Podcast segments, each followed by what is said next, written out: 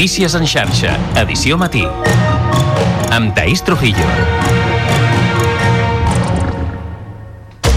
Bon dia. Revisar les restriccions d'aigua, reduir la burocràcia i agilitzar el pagament d'ajuts. Són els tres compromisos que pagesos i ramaders han arrencat als grups parlamentaris per tal que els traslladin al govern.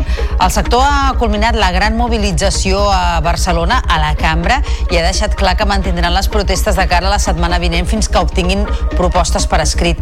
El president de la Generalitat, Pere Aragonès, diu que ha parlat directament amb el president del govern espanyol per reclamar preus més justos amb el compliment íntegre de la llei de la cadena alimentària. Doncs així encapçalem el Notícies en xarxa d'aquest divendres, dia 9 de febrer, i al punt de les 7 del matí repassem també altres titulars. Comissions Obreres convoca avui una vaga a Renfe per exigir millores laborals. La Generalitat ha dictat serveis mínims del 66% en hora punta a Rodalies, mentre que en la resta del servei el situa en un de cada quatre trens. L'aturada arriba dies abans de les que hi ha convocades de manera parcial els pròxims dies 16 i 17 de febrer per denunciar la falta de personal. L'Audiència Provincial de Barcelona envia a judici 46 agents de la Policia Nacional per les càrregues de l'1 d'octubre a diverses escoles de la capital catalana. El jutge considera que els fets es poden encabir dins d'un delicte contra la integritat moral. També avala que siguin jutjats alguns comandaments per donar les ordres de càrregues desproporcionades. Els metges i infermeres d'àrees d'atenció primària de difícil cobertura cobraran entre 2.000 i 4.000 euros més l'any. És l'incentiu que s'inclou en el Pla Específic de Salut per atraure aquests professionals a zones amb més dèficit. Un de cada cinc equips a Catalunya, la majoria en l'àmbit rural, té dificultats per trobar aquests perfils. En esports, el Girona prepara el decisiu duel del Santiago Bernabéu. Els blanquivermells, segons, a dos punts del Real Madrid, aspiren a sorprendre els blancs. Mitchell no es marca el lideratge com a objectiu, però admet que serà un partit especial i que, malgrat les baixes, l'equip arriba en forma. I arrenca el Carnaval de Sitges amb l'arribo de Sa Majestat Carnestoltes al municipi. El nou rei Big Mac Sigalupi s'ha presentat en un muntatge ple de màgia, música i color. La del Garraf és una de les celebracions més icòniques, juntament amb altres que es desplegaran arreu del país aquests dies, com la de Vilanova i la Geltrú i les senyoretes de Torelló. Repassats els titulars, ara obrim àrea de serveis. En primer lloc, volem saber com se circula a aquesta hora a la xarxa viària catalana. Per tant, connectem amb el RAC i amb l'Àlex Huguet. Molt bon dia. Molt bon dia. Després d'una setmana complicada, avui comença una hora punta normal a la xarxa viària catalana, ara amb les primeres retencions a l'àrea metropolitana de Barcelona, com a la C58, amb dos quilòmetres des de Montcada cap al Nus de la Trinitat i la Meridiana, a la P7 al Papiol, o l'enllaç de la B23 amb l'A2 a Sant Joan d'Espí. Les rondes, com sempre, sí que van més plenes. Ara la B20 registra 4 quilòmetres d'aturades des de Santa Coloma i el Nus fins a Canyelles i Horta, i la ronda litoral també en sentit Llobregat, ara ja amb cua, sobretot entre Sant Adrià fins a la Diagonal Mar, però també circulació intensa fins al tram habitual de la Barceloneta. És tot des del RAC. Bon dia. I tanquem portada amb la previsió del temps de cara a aquest divendres i la resta del cap de setmana de Carnestoltes. Lluís Miquel Pérez, molt bon dia. Bon dia, un divendres de molts més núvols i de fet ja aquest matí amb pluja que anirà caient de forma pausada a les comarques de Tarragona, de gran part de Lleida i també fins a l'àrea metropolitana de Barcelona. De moment a les comarques de Girona núvols però més esquifits i el que hi anirà fent és garbí, un vent que sobretot aquesta tarda bufarà moltes més ganes. Farà que l'ambient encara sigui suau a les comarques de Girona i aquesta tarda amb ruixats. Ja no estarem parlant de la pluja continuada d'aquest matí del sud del país. De fet, serà el vespre i nit, sobretot quan acabarà plovent més. Cotes de neu al Pirineu de 1.400 metres i al cap de setmana força ventós, però també el dissabte amb ruixats, que sobretot cauran a les comarques de Girona. Us seguirem a la xarxa. Notícies en xarxa, edició matí. Després de dos dies a Barcelona, els pagesos han aconseguit tres compromisos al Parlament per pal·liar la situació que viuen els treballadors del sector primari. Els acords passen per revisar les restriccions d'aigua al sector, reduir la burocràcia i agilitzar el pagament d'ajuts. Ara tot plegat s'haurà de tramitar per la via d'urgència. Els pagesos adverteixen que si no es compleixen els compromisos, tornarem a veure els tractors al carrer. És una crònica de David Benito. Els tractors i els pagesos creuaven la porta del Parc de la Ciutadella aquest dijous al matí direcció al Parlament de Catalunya. L'objectiu era traslladar les seves reivindicacions a la cambra catalana. Després d'una reunió amb la presidenta del Parlament, Anna R, els pagesos es reunien amb els diputats de tots els partits polítics, menys Partit Popular i Vox. Una reunió que ha servit per tancar tres compromisos, agilitzar la burocràcia, rebre ajudes pendents del 2022 i 2023 i revisar les restriccions d'aigua.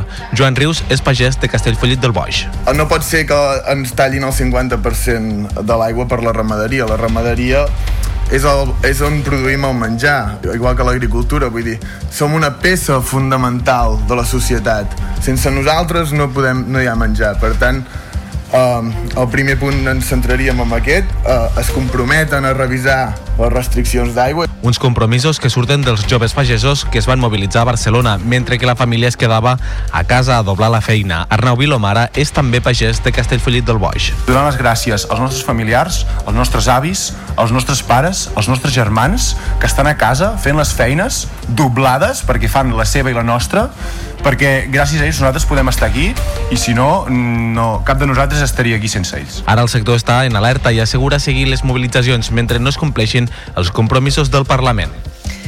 El president de la Generalitat, Pere Aragonès, ha parlat per primera vegada després de la gran mobilització del sector primari d'aquesta setmana i ho ha fet justament en la inauguració d'una exposició per commemorar els 50 anys del Sindicat Unió de Pagesos. Aragonès ha dit eh, que ha parlat directament amb el president del govern espanyol, Pedro Sánchez, per reclamar preus justos per al sector. Hi han propostes de la llei de cadena alimentària que el govern de l'Estat no va decidir, va decidir no assumir doncs, quan es va aprovar i que avui podrien ajudar a donar resposta a aconseguir el que volem, que són uns preus justos per al camp que permeti a qui treballa la terra viure de la terra. I som i serem també al vostre costat per una administració més àgil, més eficient, que no es miri a si mateixa en les normatives i els procediments, sinó que posi les coses fàcil, hi ha mesures en marxa i qui també s'ha alineat amb les demandes dels pagesos ha estat Comissions Obreres. En declaracions al programa Impuls que emet la xarxa, el secretari general del Sindicat de Catalunya, Javier Pacheco, ha reclamat a Europa que apliqui normatives que garanteixin la igualtat de condicions per assegurar la competitivitat dels pagesos catalans en matèria de preus. És necessari també trobar els elements de competitivitat lleial en el conjunt de la Unió Europea i que la Unió Europea no traslladi mitjançant els seus tractats comercials elements de pèrdua de competitivitat perquè no exigeixis als països que importen productes agraris les mateixes condicions d'exigència per garantir la seguretat alimentària i també, evidentment, el respecte al medi ambient que s'està exigint a la pagesia dels nostres eh, entorns, dels nostres països i en aquest cas de la pagesia catalana. Encara sobre drets laborals vinculats a la protesta, els milers de transportistes que cada dia queden atrapats a la frontera de França demanen deixar pas als que transporten animals vius. Assenyalen que el bestiar pateix estrès perquè passa moltes hores aturat a les carreteres. El sector del transport, de fet, considera que hauria d'anar de la mà amb els pagesos, ja que són ells els que transporten els seus productes. És una crònica de Lleida TV. Tot i que encara no s'ha quantificat el grau d'afectació que això comportarà a les empreses, ja hi ha sobre la taula l'exposició d'una denúncia al govern francès per danys i perjudicis. Quan ja, passen, ja comencen a passar bastants dies, les pèrdues econòmiques són importants. I mm, sí que és cert que hi ha empreses que comencen a, a dir, veure, totes aquestes valoracions d'aquests danys que m'han ocasionat a mi, qui es fa responsable? No? Evidentment, s'ha traslladat això a les autoritats franceses eh, per part dels nostres el nostre sector a nivell eh, estatal a veure de quina manera eh, podem revertir eh, aquests danys. De fet, ja fa uns dies que també es va presentar una demanda contra la inactivitat dels cossos policials a França davant els assalts i robatoris que estan patint els camioners.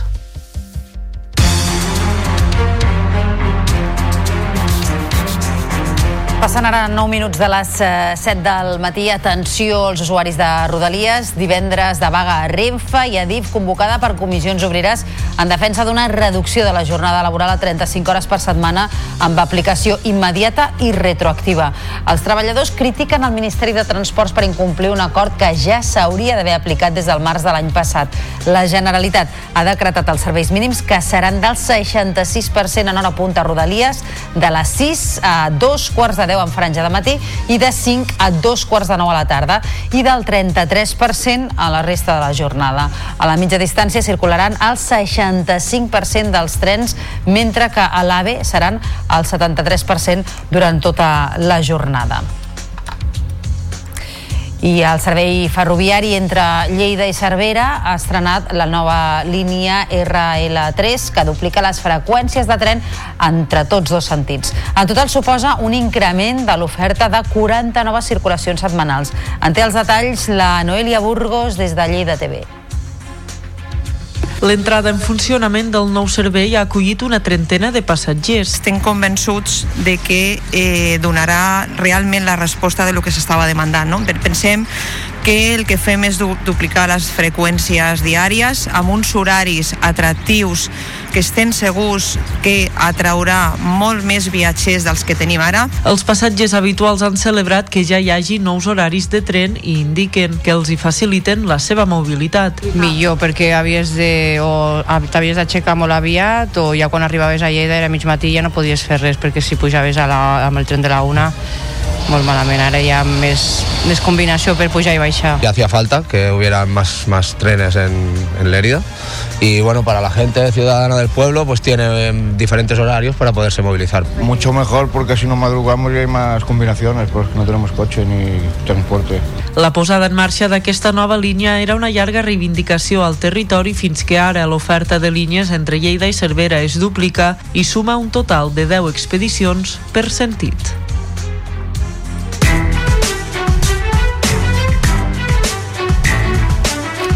El govern elevarà fins a un 10,3% el parc de lloguer social que hauran de tenir els municipis amb més demanda d'habitatge al 2044. La consellera de Territori, Esther Capella, va aprovar ahir de forma provisional el Pla Territorial Sectorial de l'Habitatge, un document que ha d'orientar a mig i llarg termini les polítiques d'habitatge a Catalunya. Així, el departament modifica l'objectiu de lloguer social que recollia el document inicial, que el situava en el 7%, i l'eleva 3 punts. El pla entrarà en vigor l'1 de juliol del 2024 i afectarà 163 municipis on hi viu prop del 83% de la població. Segons ha explicat Capella, el pla permetrà ampliar en 273.000 habitatges al parc de lloguer social de Catalunya. Quan parlem d'aquest increment estem parlant de semblança als països europeus eh, doncs, que han fet els deures. Per nosaltres és important perquè això ens permet començar a aterrar línies d'actuació amb dotació pressupostària, amb la voluntat també doncs, d'interpel·lar a les administracions i al conjunt de la societat per doncs, entomar plegats, perquè això és un, eh, entomar tots plegats el repte de garantir el dret a l'habitatge. Els treballadors de Danone de Parets del Vallès s'entrevisten aquest matí amb el president de la Generalitat, Pere Aragonès. Els empleats de la multinacional estan negociant amb la direcció de l'empresa que ha anunciat la seva intenció de tancar la planta d'aquesta població vallesana. Des del govern català ja han avançat el seu suport per evitar el tancament de la factoria i l'administrador concursal veu insuficient l'única oferta que s'ha presentat per adquirir els terrenys de la tèxtil Nilstar de Blanes, a la Selva. Durant l'última reunió de la taula per la industrialització de la tèxtil, l'administrador va valorar negativament la resposta de Sin Recycling Metals, que preveu engegar-hi una planta de reciclatge. Entre d'altres perquè no permetria aixugar el deute que arrossega la tèxtil immersa en ple concurs de creditors i que puja a uns 15 milions d'euros. En un primer moment, ASIN també preveu subrogar 15 dels 36 contractes actuals.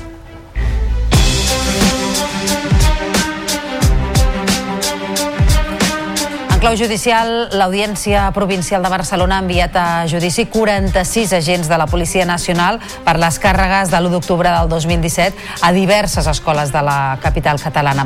La interlocutòria confirma el criteri del jutge instructor del cas que considera que els fets van més enllà de simples delictes de lesions i que es podrien encabir en un delicte contra la integritat moral. L'acusació popular, entre la que es troba entitats com Iridia i Òmnium Cultural, considera que tot plegat suposa un gran pas endavant per la lluita contra la impunitat d'una actuació policial. Anaïs Franquesa és advocada i codirectora d'Iridia volem posar en valor la tasca ingent que ha dut a terme la societat civil per tal d'aconseguir les imatges, analitzar-les, identificar els autors i aconseguir que aquest moment arribés. En aquest sentit, per tant, eh, destaca també el rol que ha tingut el Ministeri Fiscal en tot el procediment, obstaculitzant la investigació i oposant-se a que aquesta avancés. En tot cas, la valoració és molt positiva d'aquesta resolució. El Parlament Europeu demana a les autoritats judicials espanyoles que investiguin de forma efectiva les suposades connexions entre eurodiputats catalans i el Kremlin, així com també els intents de Rússia de desestabilitzar i interferir en la Unió Europea i els estats membres. Per una àmplia majoria, 433 vots a favor, 56 en contra i 18 abstencions, els eurodiputats han aprovat una resolució on mostren la seva extrema preocupació per les possibles relacions entre l'independentisme català i l'administració russa. Una trama russa que ha negat categòricament Carles Puigdemont. L'expresident ha enviat una carta a la resta d'eurodiputats on assegura que no ha existit cap connivència amb el règim de Putin. Puigdemont atribueix la reactivació d'aquest cas al fet que Junts no donés suport a la investidura d'Alberto Núñez Feijó. Acusa el PP d'arrossegar el Parlament Europeu per interessos partidistes i apunta similituds amb la construcció de la teoria de la conspiració dels dels atemptats de l'11M. Esquerra Republicana s'ha incorporat al govern de Barberà del Vallès encapçalat pel PSC. Així el regidor d'Esquerra, Pere Pubill, és el nou segon tinent d'alcaldia en un cartipàs que passa de 7 a 9 regidories, dues de les quals queden a mans dels republicans. L'alcalde, el socialista Xavier Garcés, ha deixat la porta oberta a pactes amb altres forces polítiques. L'acord entre socialistes i republicans, que es va votar en un ple extraordinari, va comptar amb el suport d'en Comú Podem.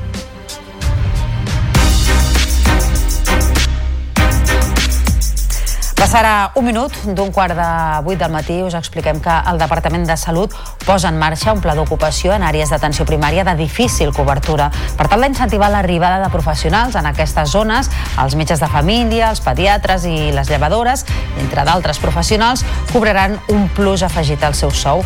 El conseller Manel Balcells ha presentat la proposta a Flix, a la Ribera d'Ebre. Ho ha seguit el Quim Domingo, des de Canal 21 Ebre. La mesura té una dotació d'11,5 milions d'euros i des d'avui es començarà a aplicar. Per incentivar l'arribada de professionals implicarà que els metges de família i pediatres d'aquestes zones cobrin entre 3.500 i 4.000 euros bruts més l'any i les enfermeres, llevadores i treballadors socials uns 2.000. Aquest increment és un plus que ha de suposar que sigui més atractiu, però no només és el tema econòmic, sinó que també va acompanyat d'uns acords amb les associacions municipalistes, amb els ajuntaments, també per eh, facilitar el que és l'habitatge, el que és la, facilitar eh, la conciliació familiar. Que l'equip treballi en una zona d'alta ruralitat i que la distància a l'hospital més proper sigui de més de 25 quilòmetres són els dos principals criteris que el Departament de Salut ha definit per identificar aquests centres d'atenció primària de difícil cobertura Cultura. Un de cada cinc equips d'atenció primària a Catalunya té dificultats per cobrir les places de metges i infermeres. Són sobretot de zones rurals com el de la regió sanitària de les Terres de l'Ebre, però també n'hi ha de la costa per la sobrecàrrega estacional. L'Hospital del Mar de Barcelona ha estat el primer de Catalunya a implantar un neuroestimulador a la llengua per tractar l'apnea de la son. És una intervenció quirúrgica mínimament invasiva on s'introdueix un dispositiu a sota de la mandíbula per controlar la llengua i impedir que bloquegi el pas de l'aire mentre la persona dorm. Es tracta d'una alternativa per a qui no tolera el tractament estàndard de l'apnea, que és una mascareta que cal portar quan es dorm per assegurar una bona respiració. La meitat dels pacients diagnosticats amb aquest aquesta malaltia no suporten la mascareta pels efectes secundaris que pot provocar el seu ús, com ara lesions a la pell o sequedat a la faringe.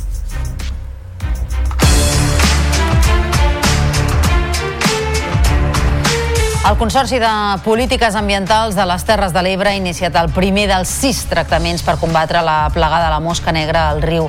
Enguany, per primer cop, els ajuntaments del Baix Ebre, de la Ribera d'Ebre i de la Diputació de Lleida han d'assumir el 25% del cost. Ens ho explica l'Albert Pasqual, des de Canal 21 Ebre. A causa de les temperatures inusuals per l'època de l'any, l'inici del tractament s'ha avançat uns dies perquè els tècnics del Copate han detectat les primeres larves. El pla d'atac del 2024 contempla sis tractaments que tindran un cost de 535.000 euros. Des de la presidència del COPATE fan incís en la importància de la col·laboració de les entitats locals per completar el pressupost com a alcalde eh, hem de pensar sempre en nosaltres, però també en el territori al qual vivim, en els problemes que afecten a tothom i hem de ser solidaris i ficar aquella part. Estem parlant de, de quantitats molt petites que segurament ens ho gastarem en una xaranga eh, i crec que és molt important ficar aquesta aportació per a saber i tindre la certesa de que tindrem un estiu lliure de, de mosca negra. D'este mig milió d'euros, la Generalitat aportarà un 50%, la Diputació de Tarragona el 25% i els cens locals, Consells Comarcals del Baix Ebre i Ribera d'Ebre i la Diputació de Lleida l'altre 25%. A Terres de l'Ebre, precisament, s'ha fet la primera taula tècnica sobre els aiguats. És una iniciativa pionera a Catalunya que pretén, amb el coneixement d'experts, desenvolupar accions preventives d'envergadura per evitar danys importants en futures catàstrofes naturals. La trobada s'ha fet a Alcanar, al Montsià, i ens l'explica Canal T. Una de les mesures que es plantegen són accions puntuals per desviar el circuit de l'aigua pel que fa a un dels punts més conflictius, el barranc del Llop. En cas de no presentar resultats satisfactoris, l'alcalde d'Alcanar, Joan Roig, ha assegurat que la possibilitat d'expropiar les cases que hi ha al barranc està sobre la taula. Podríem desviar el circuit de l'aigua, mm, mirarem eh, quin, és, eh, quin impacte té aquestes mesures, però si no són suficients, evidentment que n'haurem d'explorar altres. Estan les expropiacions? I tant, estan damunt la taula perquè la prioritat, com hem dit, és la seguretat de les persones. L'Ajuntament d'Alcanar també ha avançat que renaturalitzarà el barranc dels Sant Jaumes a les cases. Este és, una, és un exemple clar del que significa, no, eh, si me permeteu l'expressió, sacrificar estructures urbanístiques en pro del circuit d'aigua natural que és el que penso que hauríem de fer tots els municipis eh, del nostre país. Una altra de les accions prioritàries previstes és l'adequació de la xarxa de pluvials al voltant dels centres escolars.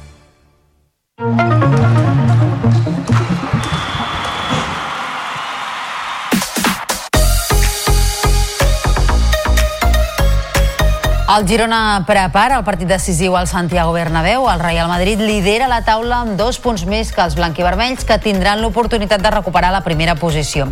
L'equip viatjarà amb baixes destacades, sense Blind, ni Yangel Herrera per sanció, ni Toni Villa i David López per lesió. Sí que hi serà Dovic, tot i que ha fet pocs entrenaments amb l'equip. Tampoc no podrà seure a la banqueta Michel Sánchez, castigat pel comitè de competició. El tècnic no es marca el títol com a objectiu, però admet que serà un partit especial. El Madrid està fet eh, per guanyar la Liga, també el Barcelona, l'Atlético de, Atlético de Madrid, però nosaltres no. La nostra idea no és eh, lluitar per la Liga, és lluitar per Europa. Però és veritat que de guanyar pues, eh, l'equip eh, seria líder i, i l'escenari és, és el Bernabéu, que és, no és un partit, o, un partit normal és un partit especial per, per tothom i, i l'equip eh, arriba en un moment espectacular. A la una del migdia es farà el sorteig eh, de les semifinals de la Copa de la Reina de Futbol. Els possibles rivals del Barça seran l'Atlètic Club, la Reial Societat i l'Atlètic de Madrid. L'eliminatòria ja es disputarà a doble partit amb l'anada el 6 o el 7 de març i la tornada una setmana més tard. I el Barça rep aquest vespre l'Alba Berlín, el penúltim classificat a l'Eurolliga. Roger Grimau tindrà a la seva disposició Michael Caicedo i Àlex Abrines, que s'han entrenat amb normalitat aquesta setmana, però encara no a eh, Ricky Rubio. El tècnic analitza el conjunt alemany que es va imposar en el partit de la primera volta a la pista alemanya. A molt 1 contra 1, eh, mou molt bé la pilota, on es basen el seu joc bàsicament amb, amb l'1 contra 1, vull dir que pot ser un partit demà eh, en el que recuperem o haguem de recuperar els nostres bàsics defensius per, per ser sòlids i, i competir bé i, bueno, i a partir d'aquí eh, seguir creixent. El Barça ha certificat la primera plaça del grup A de la Lliga de Campions d'hoquei amb una victòria sobre el Forte italià. El partit va ser plàcid per als blaugrana, molt efectius de cara a la porteria, que es van imposar per 6 a 0. Rodríguez, Llorca i Grau van marcar un doblet cada un, que assegura el lideratge amb un partit en marge abans que finalitzi la fase de grups. Un dels golejadors, Sergi Llorca, valorava el triomf Sabíem que era un partit clau per nosaltres, eh, guanyant, com dius, aconseguim la primera posició i ha sigut un, un repte contra, contra un gran equip, que crec que l'equip ha, ha respost molt bé, ha, hem fet un, un gran joc i, i en tot moment doncs, hem controlat el partit, eh, crec que així s'ha vist a la pista i, i molt contents per, pel resultat, pel, pel treball fet i perquè les coses estan sortint. Per contra, el Finques Prats Lleida ha quedat sense opcions d'accedir als quarts de final. Els llistats van empatar a 5 gols amb el Tricino italià, malgrat haver-se avançat amb un 5 a 3 al marcador. Els lleidatans, però, van desaprofitar massa ocasions i ho van acabar pagant. Els golejadors van ser Badia i Folguera, amb dos doblets, i Sebastià. I el Reus va guanyar el primer partit de la fase de grups amb un 5 a 4 sobre el Calafell i ha deixat l'equip penadesenc gairebé sense opcions. Els de Ferran López van dominar el primer temps, però els roig i negres van remuntar a la segona meitat. El conjunt reusenc, Coruste i Jiménez van marcar dues dianes i Aragonès va rodonir la mà de gols. Pel Calafell, Xaus i Escala van marcar-ne dos cadascun.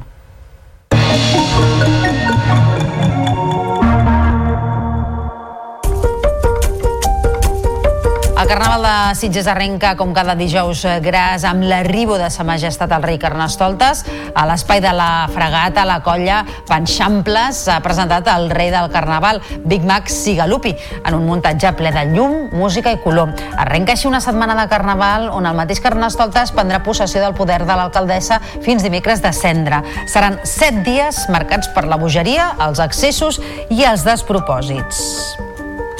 I el Carnaval se celebra de manera particular a Osona. A Torelló es coneix com el Carnaval de Terra Endins i tenen activitats de creació pròpia com la Festa de les Senyoretes i els Humanots, que celebra avui la quarantena edició. El Nou TV ha parlat amb alguns dels impulsors d'aquesta celebració. Són alguns dels impulsors de la festa de les senyoretes i humanots que aquest dimarts al vespre es trobaven al costat de la carrossa que encapçalarà la rua de la quarantena edició de la festa del divendres del Carnaval de Torelló. Ells apareixen a la primera imatge que es conserva de l'acte, del 18 de febrer del 1985 i que ha passat a la història. La foto es va fer un any després que Eduard Fontserè i Xavi Vila seguissin disfressats sense massa transcendència.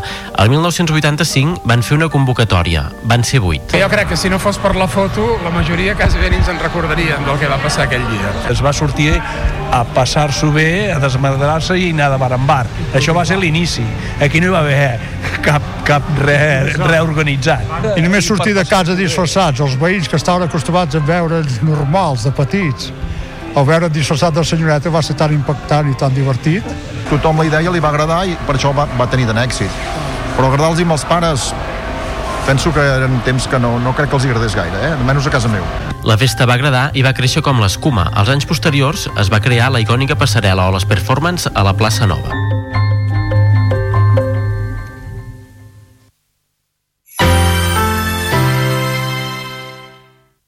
La xarxa de comunicació local. Torna al Festival Subtraveling. Inspira't en els grans, roda el teu curt i participa a Roda TMB. Pots guanyar un viatge a Seul, una càmera professional, entre altres premis de cine. Més informació a subtravelingfestival.tmb.cat Torna la Magic Line del Sant Joan de Déu. Feu un equip d'entre 4 i 20 persones, marqueu-vos un repte econòmic solidari i trieu el vostre recorregut.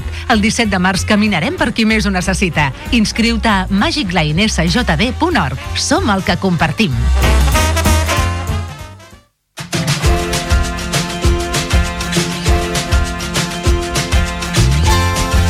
Viatges quilòmetre zero, amb l'escriptora Núria Esponellà. Interrompuda. Tornem a agafar el tractoret per anar fins a la plana. L'aparquem en una cruïlla de camins i anem a peu per passejar entre camps de pomeres i de colza que ja ha nascut i que llueix unes fulles verd grisenques que semblen cols. A mig matí de l'extensió de camps hi ha un prat amb una ermita envoltada de plàtans. Tot d'una ens aixorda el soroll d'un motor i romp una moto i encara una altra.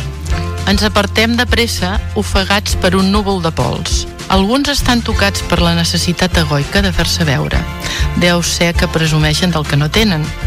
Potser algun dia descobriran que els sons del silenci poden ser infinitament millors. Passem per alt l'incident i proseguim el camí fins a l'ermita. De seguida procuro deixar enrere la pols i arribar aviat a l'indret que m'espera per descalçar-me i estirar-me sobre el prat.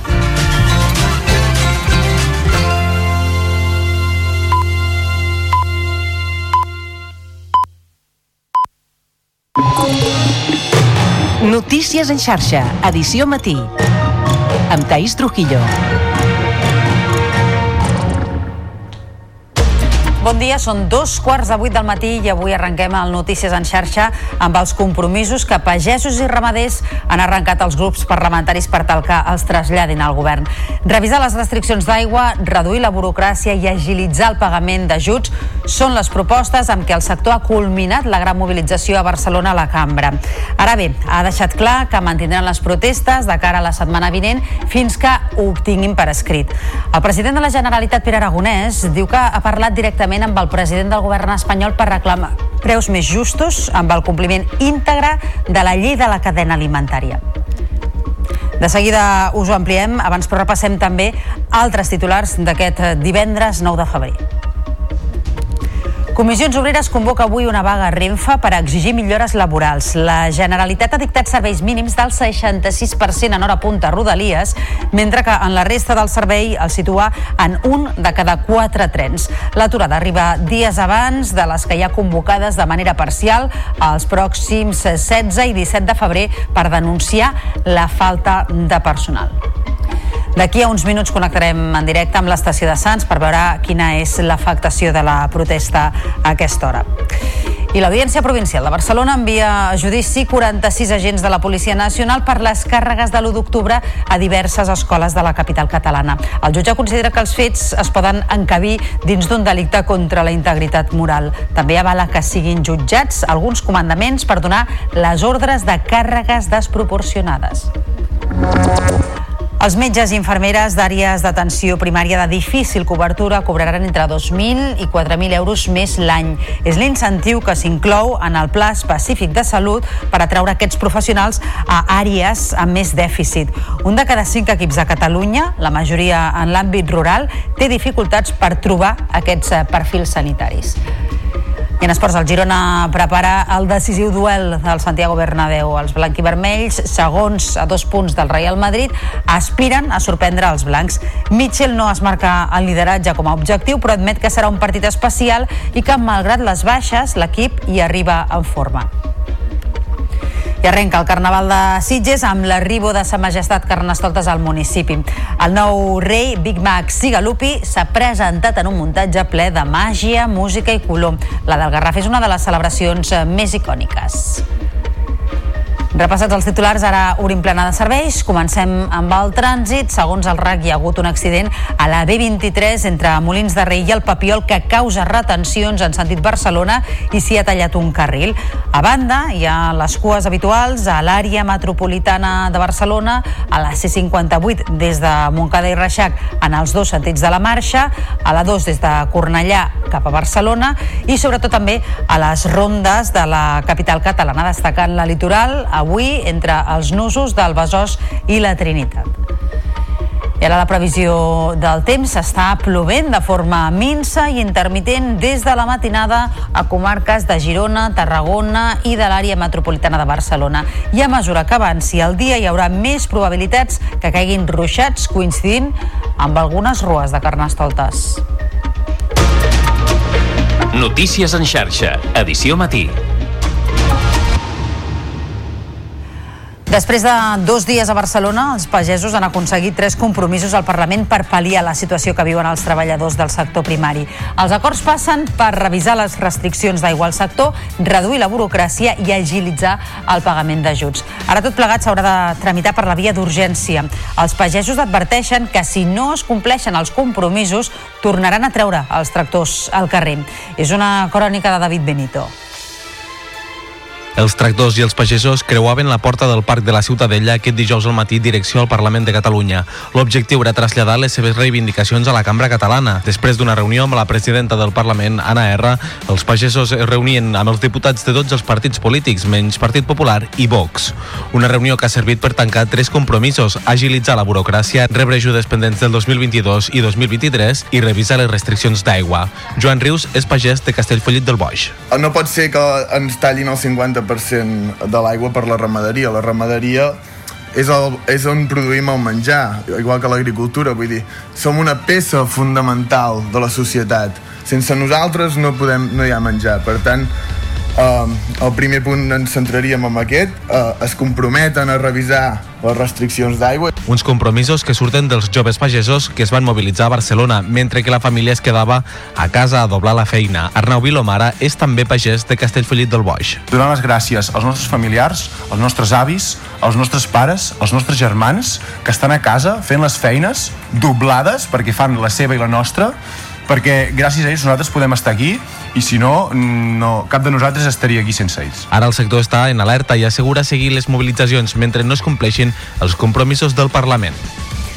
El president de la Generalitat, Pere Aragonès, ha parlat per primera vegada després de la gran mobilització del sector primari d'aquesta setmana i ho ha fet justament en la inauguració d'una exposició per commemorar els 50 anys del Sindicat Unió de Pagesos. Aragonès ha dit que ha parlat directament amb el president del govern espanyol, Pedro Sánchez, per reclamar preus justos per al sector.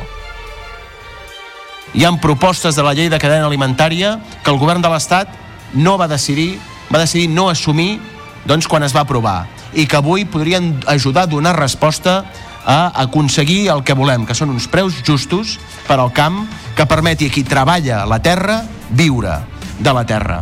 I som i serem també al vostre costat per una administració més àgil, més eficient, que no es miri a si mateixa en les normatives i els procediments, sinó que posi les coses fàcil, hi ha mesures en marxa i encara sobre drets eh, laborals i vinculats a la protesta. Els milers de transportistes que cada dia queden atrapats a la frontera de França demanen deixar pas als que transporten animals vius. Assenyalen que el bestiar pateix estrès perquè passa moltes hores aturat a les carreteres. I el sector del transport, de fet, considera que hauria d'anar de la mà amb els pagesos, ja que són ells els que transporten els seus productes. És una crònica de Lleida TV.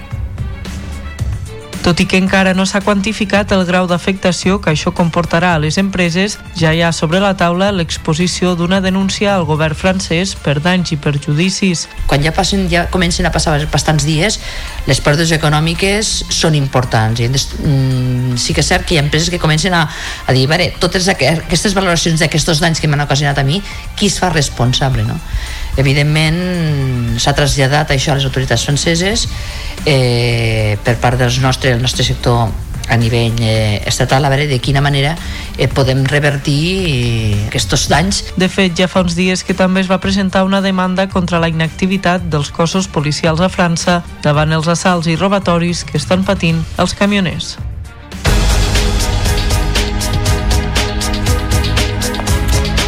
Atenció als usuaris de Rodalies. Divendres de vaga a Renfe i Adif convocada per comissions obreres en defensa d'una reducció de la jornada laboral a 35 hores per setmana amb aplicació immediata i retroactiva. Els treballadors critiquen el Ministeri de Transports per incomplir un acord que ja s'hauria d'haver aplicat des del març de l'any passat. Comprovem quina és la incidència de la vaga a aquesta hora, per cert, hora punta, i amb els serveis mínims, el 66% de Rodalies. A l'estació de Sants hi hem enviat els companys de la xarxa, Marc Ortiz i Helena Puig Dueta. Helena, molt bon dia, com ho tenim? Hola, molt bon dia. Doncs uns serveis mínims, els que tu comentaves que a aquesta hora, hora punta del 66% a Rodalies s'estan complint, segons ens ha informat fa poca estona Renfe. Una vaga, però recordem que també afecta a l'AVE i a la llarga distància amb un 73% dels serveis mínims i el que hem vist és que sí que també aquí hi ha afectació, evidentment s'han suspès doncs, un 27% de trens i això eh, doncs, queda reflectit en algunes pantalles com per exemple un tren que havia de de sortir a les 8 i 5 d'aquest matí cap a Figueres Vilafant i que evidentment a la pantalla posa que s'ha suprimit. Hem parlat amb alguns usuaris baixant a les andanes. Ens comentaven, la gran majoria dels que hem eh, comentat, que els, dels que els hi hem preguntat, vaja, ens comentaven que sí que sabien eh, que avui hi havia vaga, n'estaven informats i en aquell moment no hi havia un gran drama de eh, gent a les andanes, és a dir, que ens deien que a aquella hora, que devien ser com les 7, 7 i 10, quarts de 8, eh, doncs estaven com sempre, no es notava encara aquesta eh, acumulació d'usuaris. Això suposem que s'anirà produint a mesura que avanci el matí, especialment eh, doncs a les hores eh, més puntes encara, a les 8 del matí, quarts de 9, i especialment doncs, després, quan els trens només circulin o només passin el 33%. En tot cas, volem saber els motius d'aquesta vaga. Ens parlen de que no hi ha una incidència destacada, però volem preguntar-ho directament a l'Andrés Cardenal. Ell és el secretari general de comissions ADIF Grup Renfe Barcelona un càrrec molt llarg, Andrés. Molt bon dia i bona hora. Molt bon dia. Primer... Uh, Preguntar-te d'entrada uh, com està funcionant la vaga, uh, quin nivell de seguiment està tenint? Primer de tot, m'agradaria, ens agradaria uh, agrair a l'usuari uh, el fet de que eh, entengui els motius per al que nosaltres estem reivindicant eh, en el dia d'avui. Eh, la nostra reivindicació eh, encara no tenim dades perquè bueno, és aviat per conèixer quins són les, les repercussions que està tenint i com molt bé has dit tu, hi ha uns serveis mínims amb els que evidentment nosaltres no podem estar d'acord, però bueno, entenem que s'ha de compatibilitzar el dret de l'usuari a viatjar amb el nostre de reivindicar Andrés, parlàvem de que aquí avui d'alguna manera conflueixen eh, com dues vagues diferents o en tot cas dues reivindicacions diferents per part de dues empreses. Tenim per una banda els treballadors de l'empresa Renfe i per l'altra tenim els treballadors d'Adif. Nosaltres ara, abans de donar-nos pas, parlàvem de l'aplicació del que reivindiquen els treballadors d'Adif, en aquest cas és la, eh, implementació. la implementació, gràcies, la implementació eh, immediata i amb caràcter retroactiu d'aquesta jornada setmanal de 35 hores. Però hi ha una altra reivindicació. Anem per parts. D'entrada, eh, per què demaneu aquesta aplicació immediata i sobretot eh, que potser la gent no entén amb aquest caràcter retroactiu? Parlem d'un pacte que no s'està complint per part del Ministeri de Transports. Explica'ns-ho. Correcte. Tota negociació està en taules de negociació i, i, bueno, i la negociació col·lectiva és la que determina els acords. Eh, nosaltres vam arribar a un acord amb l'empresa, l'empresa i la representació legal dels treballadors per la implementació de les 35 hores de jornada laboral als treballadors i treballadores d'Adif i Adif Alta Velocitat. Aleshores, aquest acord es va reafirmar eh, i es va signar i es va inclús publicar al Boletí Oficial de l'Estat i era d'aplicació eh, del 16 de març de l'any passat. E, incomprensiblement, no sabem per què, va arribar un, un veto per dir d'alguna manera, del Ministeri de Transports, que va dir de que això no podia ser i quedava en suspens aquest acord que havien pres entre, mitjançant la negociació col·lectiva, que és el mitjà per fer-ho. Uh, uh, I deia, uh, uh, per acabar d'aclarir i de completar la pregunta, que hi havia una altra reivindicació, en aquest cas per part dels treballadors de Renfe, i que, uh, si no tinc mal entès, és la supressió de les categories d'ingrés. Què vol dir això? Explica'ns-ho.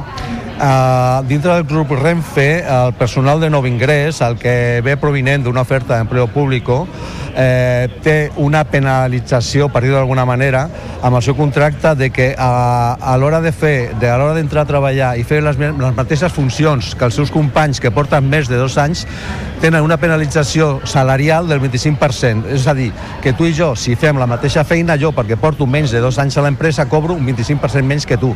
Totalment incomprensible. Això eh, està acordat, està signat i està eh, publicat al butlletí oficial de l'Estat des d'abans de les vacances de, de, de l'any passat. I, novament, en aquest cas, el Ministeri de la Funció Pública ha dit que n'anai de la Xina i estem en la mateixa situació que abans. Dos dos acords presos legalment per la representació legal dels treballadors i l'empresa que un agent extern, una administració externa a la negociació, veta. Doncs queda clar, Andrés, gràcies per explicar-nos-ho. En tot cas, eh, jo us comentava que no hi havia incidències, potser hauria de rectificar en el sentit de que és veritat que els usuaris eh, habituals el que fan és consultar els horaris i les incidències de Rodalies a la web i a l'APP de Rodalies. Doncs bé, sembla que hi ha una incidència tècnica i, per tant, els usuaris que ho vulguin consultar a hores d'ara, si no s'ha resolt encara en aquests moments, no ho poden fer per això, perquè hi ha aquesta incidència tècnica que inhabilita aquestes aplicacions. Doncs esperem que no sigui un matí massa complicat a, a Rodalies. Helena Puigdueta, Marc Ordiz, gràcies per aquesta connexió en directe des de l'estació de Sants de Barcelona. Molt bon dia. Notícies en xarxa. Tota la informació al teu abast.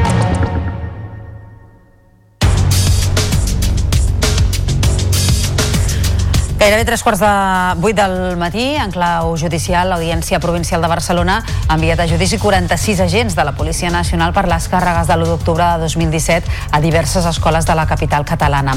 La interlocutòria confirma el criteri del jutge instructor del cas que considera que els fets van més enllà de simples delictes de lesions i que es podrien encabir en un delicte contra la integritat moral. L'acusació popular, entre la qual es troben entitats com Iridia i Òmnium Cultural, consideren que tot plegat suposa un gran pas endavant per la lluita contra la impunitat d'una actuació policial com va ser la de l'1 d'octubre. I el Parlament Europeu demana a les autoritats judicials espanyoles que investiguin de forma efectiva les suposades connexions entre eurodiputats catalans i el Kremlin, així com els intents de Rússia de desestabilitzar i interferir en la Unió Europea i en els estats membres. Per una àmplia majoria, 433 vots a favor, 56 en contra i 18 abstencions, els eurodiputats han aprovat una resolució on mostren la seva extrema preocupació per les possibles relacions entre l'independentisme català i l'administració Federació Russa. Una trama russa que, per cert, ha negat categòricament Carles Puigdemont. L'expresident de la Generalitat ha enviat una carta a la resta d'eurodiputats on assegura que no ha existit cap connivència amb el règim de Putin. Puigdemont atribueix la reactivació d'aquest cas al fet que Junts no donés suport a la investidura d'Alberto Núñez Feijó. Acusa el PP d'arrossegar el Parlament Europeu per interessos partidistes i apunta similituds amb la construcció de la teoria de la conspiració dels atemptats de l'11M.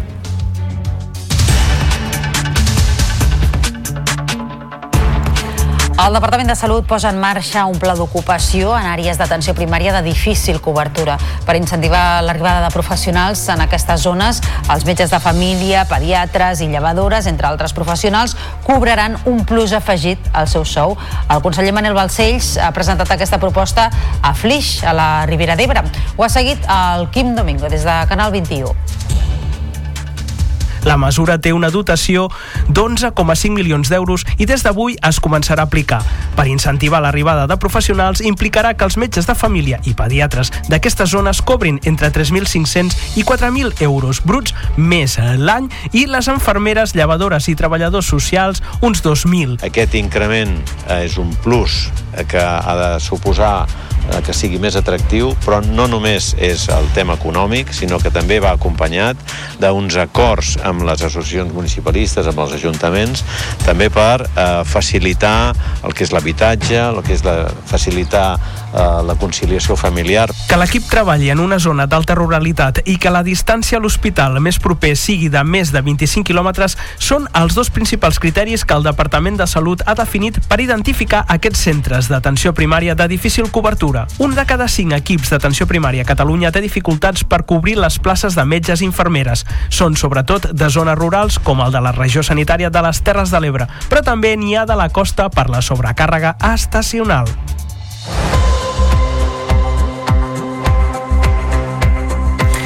La plataforma de streaming La Xarxa Més emet aquest divendres RAC1 on Tour. L'emissora posa rodes a la ràdio i treu la programació al carrer per celebrar el Dia Mundial de la Ràdio amb tots els oients. La graella de RAC1 esquitxarà tot el territori per commemorar aquesta efemèride que coincideix amb el centenari de la ràdio a Catalunya. El programa El món a RAC1 amb Jordi Basté donarà el tret de sortida a la celebració del Dia Mundial de la Ràdio a partir de les 9 des del Teatre de la Llotja de Lleida. Allà hi són els companys de Lleida TV el Ricard Gómez i la Judit eh, Montoy. Judit, molt bon dia. Molt bon dia, doncs tot a punt des d'aquí, des de la llotja de Lleida, perquè comenci aquest programa especial del món a RAC1. Com veuen al meu darrere, aquestes més de 1.000 butaques eh, ja estan preparades, però de fet estan buides, perquè no serà fins les 9 del matí que tot això s'anirà omplint. Mentrestant, el que tenim aquí, doncs ja tenim en Jordi Basté i tot el seu equip, eh, que ja han començat programa des de dos quarts de 8 del matí, però no serà fins les 9 que començarà des d'aquest eh, teatre tot el que és la programació especial. Què és el que passarà avui aquí? Doncs aquí hi haurà tota una festa de la ràdio, també considerem el centenari de la ràdio a Catalunya, i ho farem doncs, amb entrevistes a periodistes com Jordi, eh, Josep Cuní, perdó, Mari Pau Huguet i moltes actuacions. Doncs, també hi col·laboraran doncs, eh, els periodistes habituals del programa. Però tot això no serà fins les 9 del matí i pels que avui no es puguin apropar fins al Teatre de la Llotja de Lleida, doncs ja ho sabem, per primer cop també es podrà seguir en directe des de Lleida Televisió i online des de la plataforma OTT de la xarxa Més.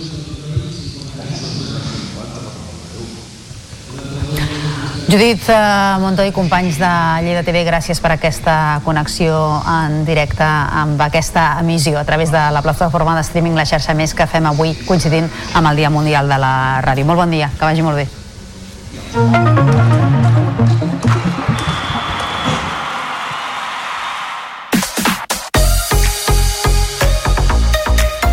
El Girona prepara el partit decisiu al Santiago Bernabéu. El Real Madrid lidera la taula amb dos punts més que els blanc i vermells que tindran l'oportunitat de recuperar la primera posició. L'equip viatjarà amb baixes destacades, sense Blind ni Ángel Herrera per sanció, ni Toni Villa i David López per lesió. Sí que hi serà Dovic, tot i que ha fet pocs entrenaments amb l'equip. Tampoc no podrà seure a la banqueta Michel Sánchez, castigat pel comitè de competició. El tècnic no es marca el títol com a objectiu, però admet que serà un partit especial especial.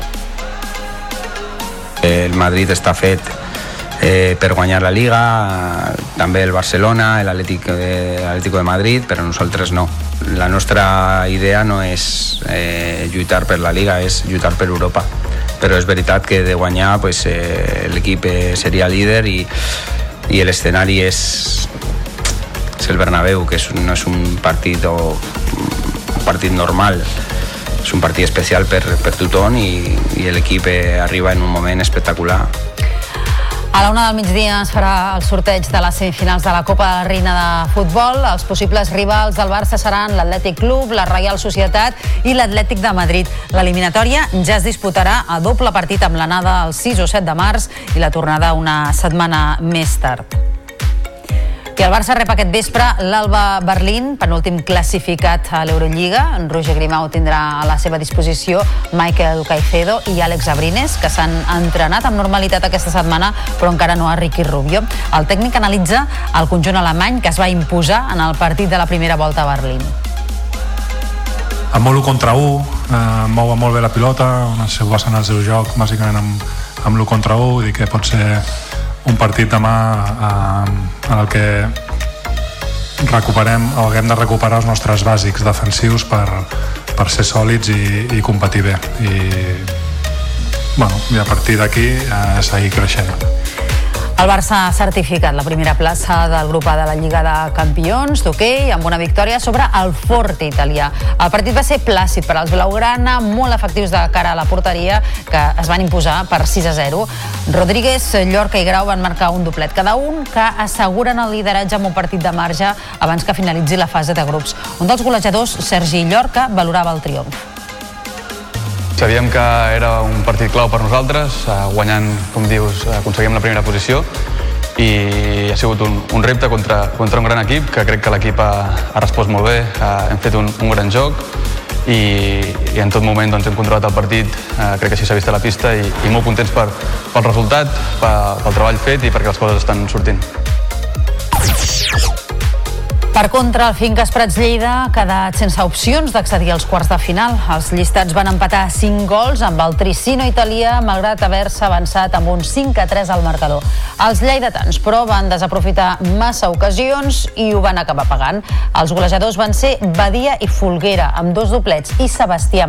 El tècnic, Edu Amat, fa un bon balanç tot i l'eliminació estem a Champions, hem sumat el segon punt a la història, hem empatat contra eh, el millor equip dels últims 3 anys a Itàlia i aquest any perquè hi ha el Forte també que li competeix una mica però, però amb una plantilla bestial no? i crec que a més a més eh, dominant el marcador durant molts minuts de partit però no hem sigut capaços de, de ficar-la dins, que al final avui sí fem 5 gols i marxem contents perquè com a mínim trenquem una mica la ratxa aquesta de que no fèiem gols, però amb la sensació que n'hem tingut per, per fer-ne més. I el Reus va guanyar el primer partit de la fase de grups amb un 5 a 4 sobre el Calafell i ha deixat l'equip penadesenc gairebé sense opcions. Els de Ferran López van dominar el primer temps, però els roig i negres van remuntar la segona meitat. El conjunt reusenc, Oruste i Jiménez van marcar dues dianes i Aragonès va arrodonir la mà de gols. Pel Calafell, Xaus i Escala van marcar-ne dos cadascun. I aquest cap de setmana el pavelló Girona Fontejau acollirà la primera competició oficial de la temporada de, tempo de patinatge artístic. L'Open Catalunya de Shows, nivell 4 superior, hereu dels antics campionats territorials, reunirà els millors equips de shows grans i petits, a més dels júniors i quartets que lluitaran per classificar-se per al Campionat de Catalunya. La competició, que estrena la temporada de patinatge artístic català, es podrà seguir demà a partir de dos quarts de cinc i diumenge a dos quarts de quatre per la plataforma La Xarxa Més.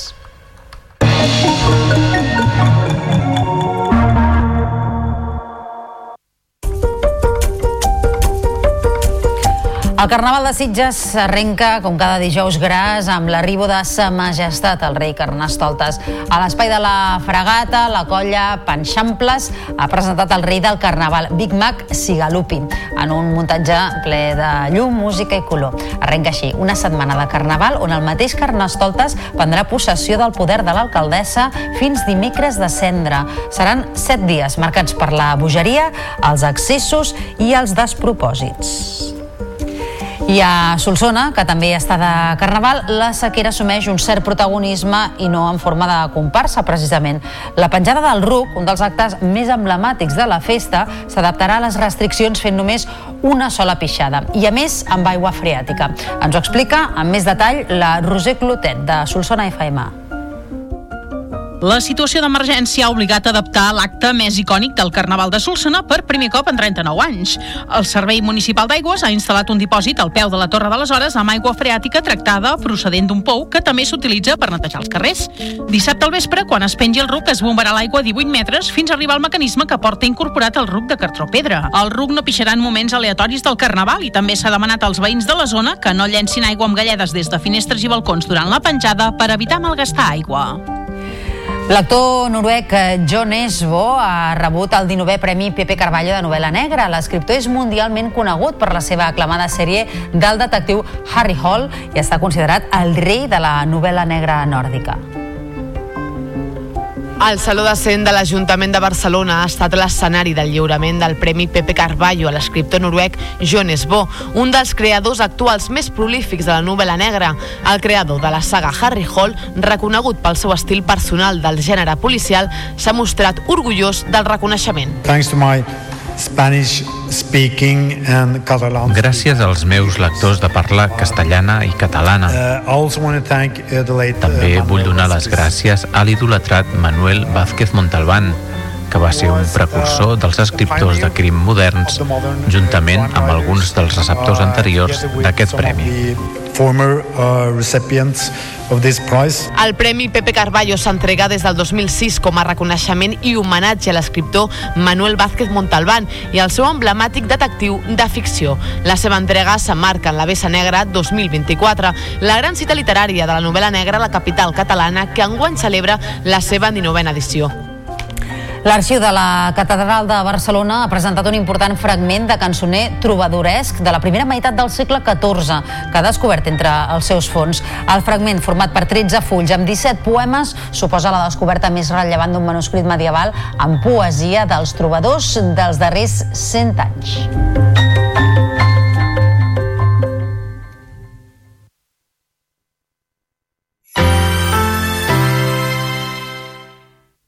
La xarxa de comunicació.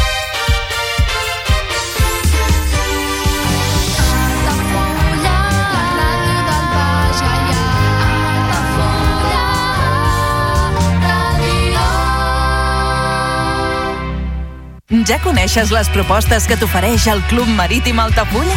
Vine i descobreix totes les nostres activitats. Sortides en caiac o pa del surf, cursos de vela per a totes les edats. No t'ho perdis. Club Marítim Altafulla. Obert tot l'any i per a tothom. Comunions 2024. Dates ja disponibles amb sales privades, jardí, pàrquing privat i la millor gastronomia. Més informació i reserves al 977 65 11 55 i a comercial arroba altafullamarotel.com o al web altafullamarotel.com. Les teves celebracions familiars a l'Altafulla Mar Hotel.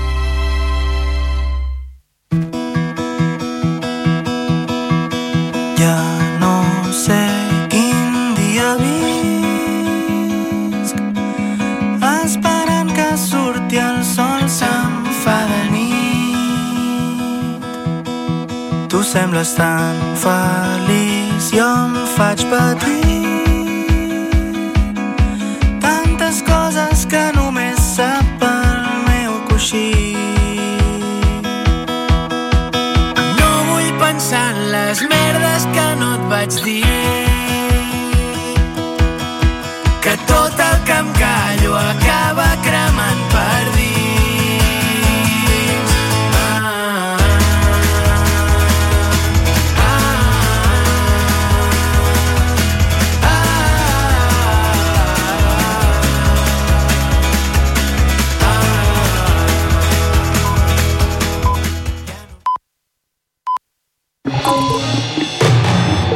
Notícies en xarxa, edició matí.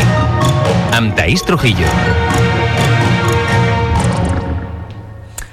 Bon dia. Revisar les restriccions d'aigua, reduir la burocràcia i agilitzar el pagament d'ajuts són els tres compromisos que pagesos i ramaders han arrencat als grups parlamentaris per tal que els traslladin al govern. El sector ha culminat la gran mobilització a Barcelona, a la cambra, i han deixat clar que mantindran les protestes de cara a la setmana vinent fins que obtinguin propostes per escrit. El president de la Generalitat, Pere Aragonès, diu que ha parlat directament amb el president del govern espanyol per reclamar preus més justos amb el compliment íntegre de la llei de la cadena alimentària. Així encapçalem el Notícies en xarxa d'aquest divendres 9 de febrer i al punt de les 8 del matí repassem també altres titulars. Comissions Obreres convoca avui una vaga a Renfe per exigir millores laborals. La Generalitat ha dictat serveis mínims del 66% en hora punta a Rodalies, mentre que en la resta del servei el situa en un de cada quatre trens. L'aturada arriba dies abans de les que hi ha convocades de manera parcial les pròximes jornades del 16 i 17 de febrer per denunciar la falta de personal. De seguida connectarem en directe amb l'estació de Sants de Barcelona per veure quina afectació està tenint la protesta a aquesta hora. L'Audiència Provincial de Barcelona envia a judici 46 agents de la Policia Nacional per les càrregues de l'1 d'octubre a diverses escoles de la capital catalana. El jutge considera que els fets es poden encabir dins d'un delicte contra la integritat moral. També avala que siguin jutjats alguns comandaments per donar les ordres de càrregues desproporcionades. Els metges i infermeres d'àrees d'atenció primària de difícil cobertura cobraran entre 2.000 i 4.000 euros més l'any. És l'incentiu que s'inclou en el Pla Específic de Salut per atraure aquests professionals a zones amb més dèficit.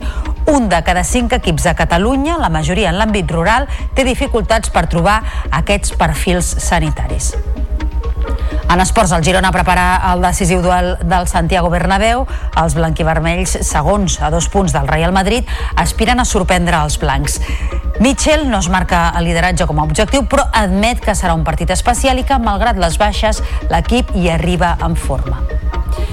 I arrenca el Carnaval de Sitges amb l'arribo de Sa Majestat Carnestoltes al municipi.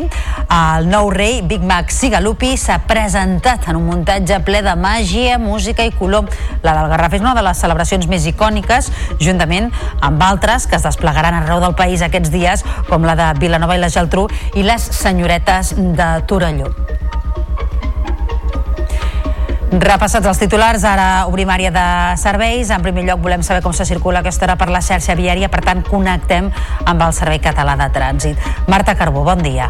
Hola, molt bon dia. Doncs ens situem en primer lloc a Abrera, a l'autovia A2. En aquest punt només hi ha un carril obert en sentit Lleida per un, un accident i retencions en un tram de 3-4 quilòmetres. Pel que fa als accessos de Barcelona, complicacions a la 23 per un altre accident a l'alçada de Molins de Rei, talla un carril també en direcció a Barcelona i hi ha retencions en un tram de 2 quilòmetres. A l'autovia 2 veiem cues per enllaçar amb aquesta B23 i també entre Sant Joan d'Espí i Cornellà de Llobregat. A l'altre extrem, cues habituals a la C58 d'entrada, tant a Sant Quirze com més endavant entre Montcada i el Nus de la Trinitat i també de sortida a l'alçada de Ripollet. A l'autopista P7, retencions a Barberà en tots els sentits de la marxa i també entre la Roca i Vilanova del Vallès en sentit sud i a les rondes, doncs, cues habituals a aquesta hora en sentit Llobregat. A la ronda de dalt hi ha retencions intermitents entre Via Júlia i Sant Gervasi i a la ronda litoral veiem aturades entre el Fòrum i la Barceloneta. De moment això és tot del Secretari de Trànsit. Molt bon dia. I ara tanquem portada amb la previsió del temps de cara aquest divendres i la resta del cap de setmana. Lluís Miquel Pérez, molt bon dia. La pluja i les rues de Carnestoltes coincidiran o no? Hola, Taís. Doncs en algun cas sí, sobretot les que es facin al llarg d'aquest matí, sobretot a moltes escoles, per exemple, a les comarques de Lleida, de Tarragona i de Barcelona. De fet, ja està plovent i aquest matí ho continuarà fent. S'ha de dir que no serà una pluja intensa, però el suficient com per apaivagar la festa i doncs enviar-la a Norris, en aquest cas. A les comarques de Girona, de moment aquest matí, el que farà és vent, per tant, allà a les rues sense problemes, i al llarg d'aquesta tarda, doncs, aquesta pluja una mica més persistent del matí quedarà en forma de ruixats. De fet, serà sobretot al voltant del vespre i de la nit quan tornarà a ploure en molts casos. Per tant, aquesta nit hi haurà festes de disfresses que en molts casos, ja diem, sí que seran aigualides, amb una temperatura una mica més baixa. I al cap de setmana, doncs, a gran part del país no haurem d'estar pendents de la pluja, però sí que a Girona, demà a la tarda, sí que acabarà plovent i fins i tot demà a la tarda amb algunes calamarsades entre el Fluvià i l'Alt Maresme, aproximadament. I com no, n'estarem molt pendents a la xarxa. Notícies en xarxa, edició matí. Després de dos dies a Barcelona, els pagesos han aconseguit tres compromisos al Parlament per pal·liar la situació que viuen els treballadors del sector primari. Els acords passen per revisar les restriccions d'aigua al sector, reduir la burocràcia i agilitzar el pagament d'ajuts.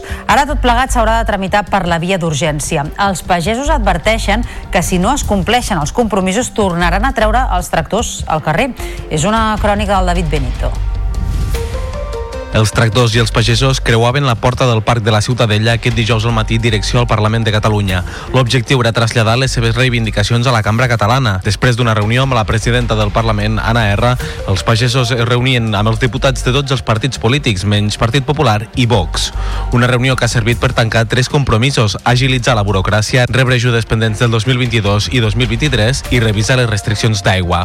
Joan Rius és pagès de Castellfollit del Boix. No pot ser que ens tallin el 50% de l'aigua per la ramaderia. La ramaderia és, el, és on produïm el menjar, igual que l'agricultura, vull dir, som una peça fundamental de la societat.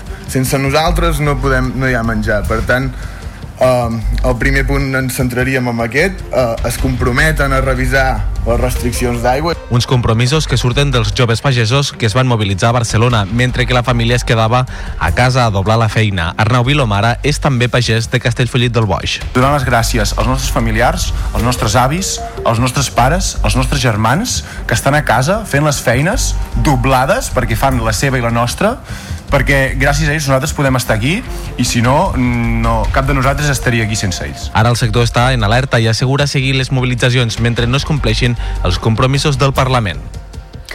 El president de la Generalitat, Pere Aragonès, ha parlat per primera vegada després de la gran mobilització del sector primari d'aquesta setmana i ho ha fet justament en la inauguració d'una exposició per commemorar els 50 anys del Sindicat Unió de Pagesos. Aragonès ha dit que ha parlat directament amb el president del govern espanyol, Pedro Sánchez, per reclamar preus justos per al sector. Hi han propostes de la llei de cadena alimentària que el govern de l'Estat no va decidir, va decidir no assumir doncs, quan es va aprovar i que avui podrien ajudar a donar resposta a aconseguir el que volem, que són uns preus justos per al camp que permeti a qui treballa la terra viure. de la terra.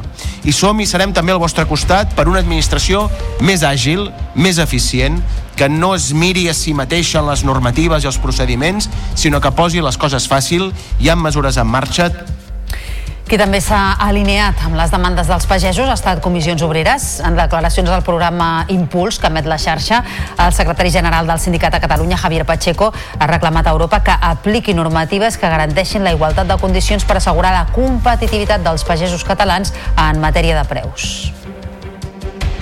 Necessari també trobar els elements de competitivitat lleial en el conjunt de la Unió Europea i que la Unió Europea no traslladi mitjançant els seus tractats comercials elements de pèrdua de competitivitat perquè no exigeixis als països que importen productes agraris les mateixes condicions d'exigència per garantir la seguretat alimentària i també, evidentment, el respecte al medi ambient que s'està exigint a la pagesia dels nostres eh, entorns, dels nostres països i en aquest cas de la pagesia catalana.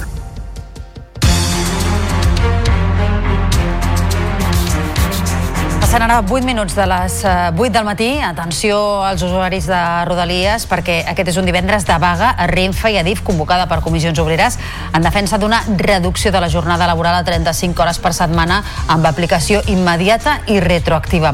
Els treballadors critiquen el Ministeri de Transports per incomplir un acord que ja s'hauria d'haver aplicat des del març de l'any passat. Comprovem quina és la incidència de la vaga a aquesta hora, hora punta, i amb els serveis mínims que són del 66% a Rodalies. A l'estació de Sants hi tenim des de primera hora del matí els nostres companys Marc Ortiz i Helena Puigdueta. Helena, quina és la situació a hores d'ara? Doncs de moment, eh, i contràriament al que un es podia pensar d'entrada, eh, doncs una jornada sense incidències destacables i complint-se, com bé deies, eh, com mínim aquí a Rodalies, el, els serveis mínims, el 66% en aquesta hora punta que s'acaba a dos quarts de deu del matí. Una vaga, com bé explicaves, on d'alguna manera hi conflueixen dues empreses i dos motius diferents, treballadors de Renfe i d'Adif. Els de Renfe doncs, demanen una cosa molt determinada, que és justament l'eliminació de les categories d'ingrés. Andrés Cardenal, de Comissions Obreres, ens explicava què vol dir això el personal de nou ingrés, el que ve provinent d'una oferta d'empleo públic, eh, té una penalització, per dir-ho d'alguna manera, amb el seu contracte de que a, a l'hora de fer, de, a l'hora d'entrar a treballar i fer les, les mateixes funcions que els seus companys que porten més de dos anys, tenen una penalització salarial del 25%. És a dir, que tu i jo, si fem la mateixa feina, jo, perquè porto menys de dos anys a l'empresa, cobro un 25% menys que tu. Totalment incomprensible. Aquesta era la reclamació de Renfe, mentre que Adif el que reclamava, tu ho anunciaves a la portada, Taís, és aquesta implementació de la jornada de 35 hores setmanals de manera immediata i retroactiva.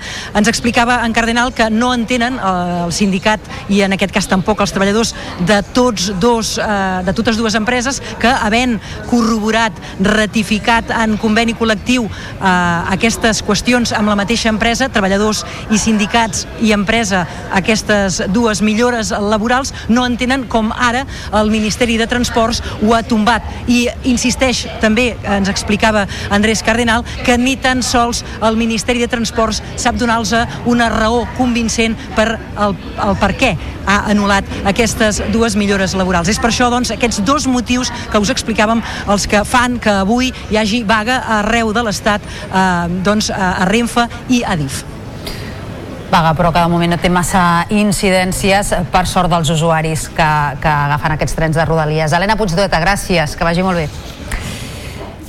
I encara parlant de servei ferroviari, ara ens referim al que circula entre Lleida i Cervera perquè ha estrenat la nova línia RL3 que duplica les freqüències de tren entre tots dos sentits. En total suposa un increment de l'oferta de 40 noves circulacions setmanals. En té els detalls la Noelia Burgos, des de Lleida TV. L'entrada en funcionament del nou servei ha acollit una trentena de passatgers. Estem convençuts de que eh, donarà realment la resposta de lo que s'estava demandant. No? Pensem que el que fem és du duplicar les freqüències diàries amb uns horaris atractius que estem segurs que atraurà molt més viatgers dels que tenim ara. Els passatgers habituals han celebrat que ja hi hagi nous horaris de tren i indiquen que els hi faciliten la seva mobilitat. Millor, perquè havies de, o t'havies d'aixecar molt aviat o ja quan arribaves a Lleida era mig matí ja no podies fer res perquè si pujaves a la, amb el tren de la una molt malament, ara hi ha més, més combinació per pujar i baixar. que hacía falta que hubiera más, más trenes en, en Lérida y bueno, para la gente ciudadana del pueblo pues tiene diferentes horarios para poderse movilizar. Mucho mejor porque si no madrugamos ya hay más combinaciones, porque no tenemos coche ni transporte. La posada en marxa d'aquesta nova línia era una llarga reivindicació al territori fins que ara l'oferta de línies entre Lleida i Cervera es duplica i suma un total de 10 expedicions per sentit.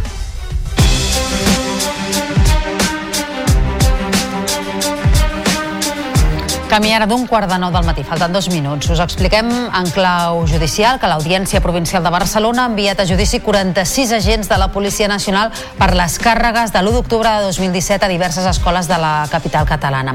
La interlocutòria confirma el criteri del jutge instructor del cas que considera que els fets van més enllà de simples delictes de lesions i que es podrien encabir en un delicte contra la integritat moral. L'acusació popular, entre la qual es troben entitats com Iridia i Òmnium Cultural, consideren que tot plegat suposa un gran pas endavant per la lluita contra la impunitat d'una actuació policial com va ser la de l'1 d'octubre. Anaïs Franquesa és advocada i codirectora d'Iridia. Volem posar en valor la tasca ingent que ha dut a terme la societat civil per tal d'aconseguir les imatges, analitzar-les, identificar els autors i aconseguir que aquest moment arribés. En aquest sentit, per tant, eh, destaca també el rol que ha tingut el Ministeri Fiscal en tot el procediment, obstaculitzant la investigació i oposant-se a que aquesta avancés. En tot cas, la valoració és molt positiva d'aquesta resolució. El Parlament Europeu demana a les autoritats judicials espanyoles que investiguin de forma efectiva les suposades connexions entre eurodiputats catalans i el Kremlin, així com també els intents de Rússia de desestabilitzar i interferir en la Unió Europea i els estats membres. Per una àmplia majoria, 433 vots a favor, 56 en contra i 18 abstencions, els eurodiputats han aprovat una resolució on mostren la seva extrema preocupació per les possibles relacions entre l'independentisme català i l'administració russa. Una trama russa, per cert, que ha negat categòricament Carles Puigdemont. L'expresident de la Generalitat ha enviat una carta a la resta d'eurodiputats on assegura que no ha existit cap connivència amb el règim de Putin. Puigdemont atribueix la reactivació d'aquest cas al fet que Junts no donés suport a la investidura d'Alberto Núñez Feijó. Acusa el PP d'arrossegar el Parlament Europeu per interessos partidistes i apunta similituds amb la construcció de la teoria de la conspiració dels atemptats de l'11M.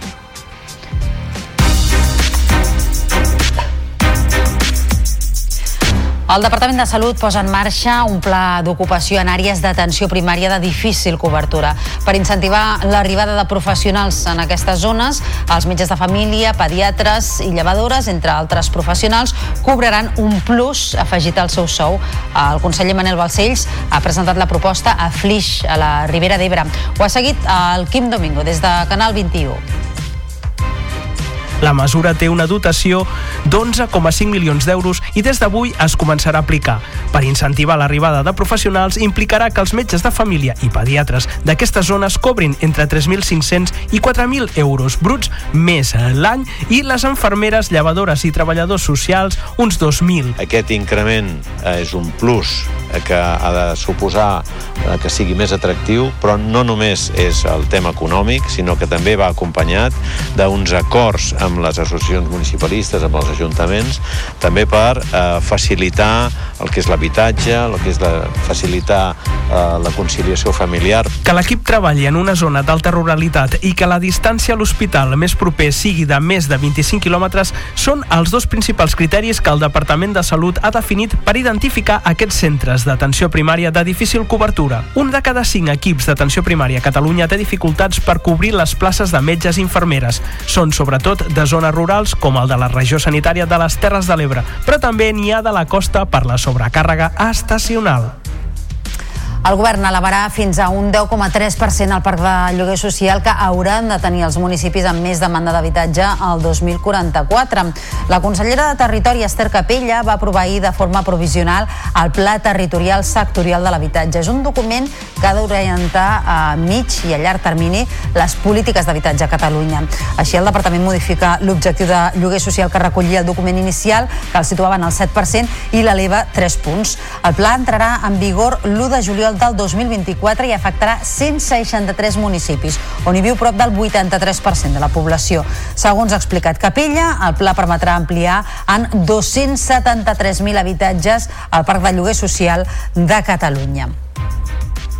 Quan parlem d'aquest increment estem parlant de semblança als països europeus eh, doncs, que han fet els deures. Per nosaltres és important perquè això ens permet començar a aterrar línies d'actuació amb dotació pressupostària, amb la voluntat també doncs, d'interpel·lar a les administracions i al conjunt de la societat per doncs, entomar plegats, perquè això és un, eh, entomar tots plegats el repte de garantir el dret a l'habitatge. L'entitat eh, Terra Alta Viva denuncia el nou desplegament de parcs d'energia renovable a la comarca. Denuncien que és la zona amb més aerogeneradors de tot Catalunya i que encara s'hi sumen nous projectes tant eòlics com solars. Ens ho explica l'Andreu Prunera, de Canal T. L'entitat Terra Alta Viva, que aglutina el moviment contra la massificació eòlica a la comarca i que defensa un model sostenible entre energies renovables, agricultura i turisme rural, denuncia un nou desplegament de parcs solars i eòlics a la comarca. Alerten que la comarca no ha deixat de rebre projectes de grans empreses per tal d'instal·lar centrals eòliques, tot i ser la comarca que ja té més aerogeneradors de tota Catalunya. Ara, denuncien, s'ha sumat a més el desplegament de nous parcs solars. La massificació eòlica perjudica, diuen, el principal sector econòmic a la comarca, l'agricultura i també el turisme rural i de proximitat.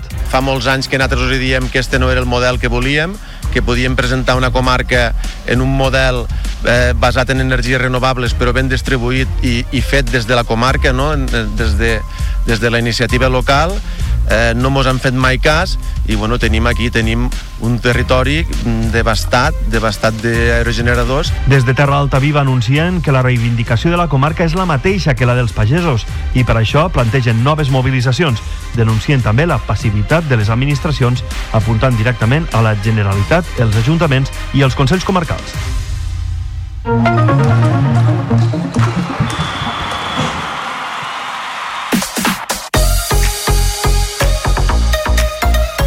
El Girona prepara el partit decisiu al Santiago Bernabéu. El Real Madrid lidera la taula amb dos punts més que els blanquivermells que tindran l'oportunitat de recuperar la primera posició.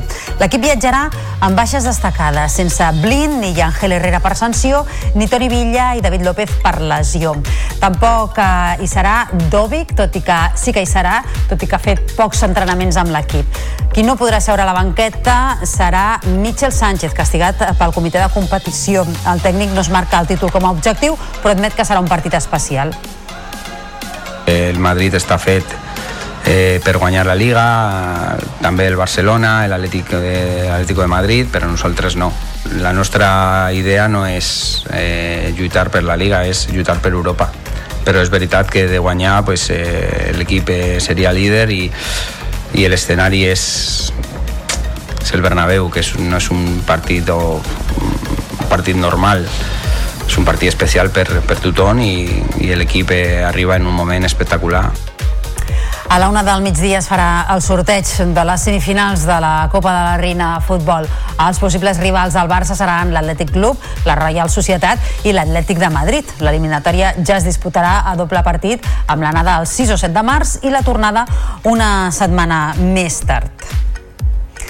El Barça rep aquest vespre l'Alba Berlín, penúltim classificat a l'Eurolliga. Roger Grimau tindrà a la seva disposició Michael Caicedo i Àlex Abrines, que s'han entrenat amb normalitat aquesta setmana, però encara no a Ricky Rubio. El tècnic analitza el conjunt alemany que es va imposar en el partit de la primera volta a Berlín.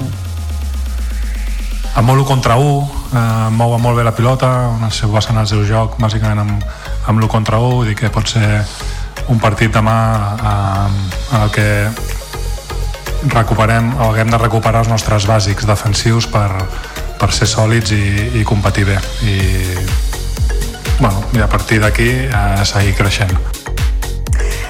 A la Lliga Leport, l'ICG Força Lleida visita el Castelló amb la intenció de passar pàgina a la darrera derrota i sumar la tretzena victòria del curs. Més dades des de Lleida Televisió. Aleix Vergés. Els lleidatans visiten la pista d'un dels equips de la part baixa de la taula on Gerard Encuentra reconeix que només pensen en aquest duel abans de rebre l'estudiantes a casa.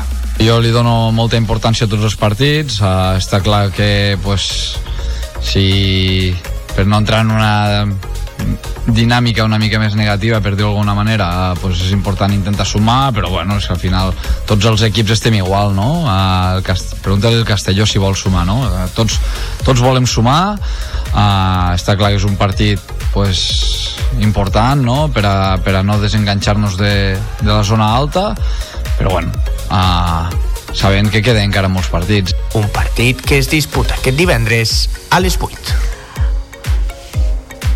El Barça ha certificat la primera plaça del grup A de la Lliga de Campions d'hoquei amb una victòria sobre el Forte italià. El partit va ser plàcid per als Blaugrana, molt efectius de cara a la porteria i es van imposar per 6 a 0. Rodríguez, Llorca i Grau van marcar un doblet cada un que asseguren el lideratge amb un partit de marge abans que finalitzi la fase de grups.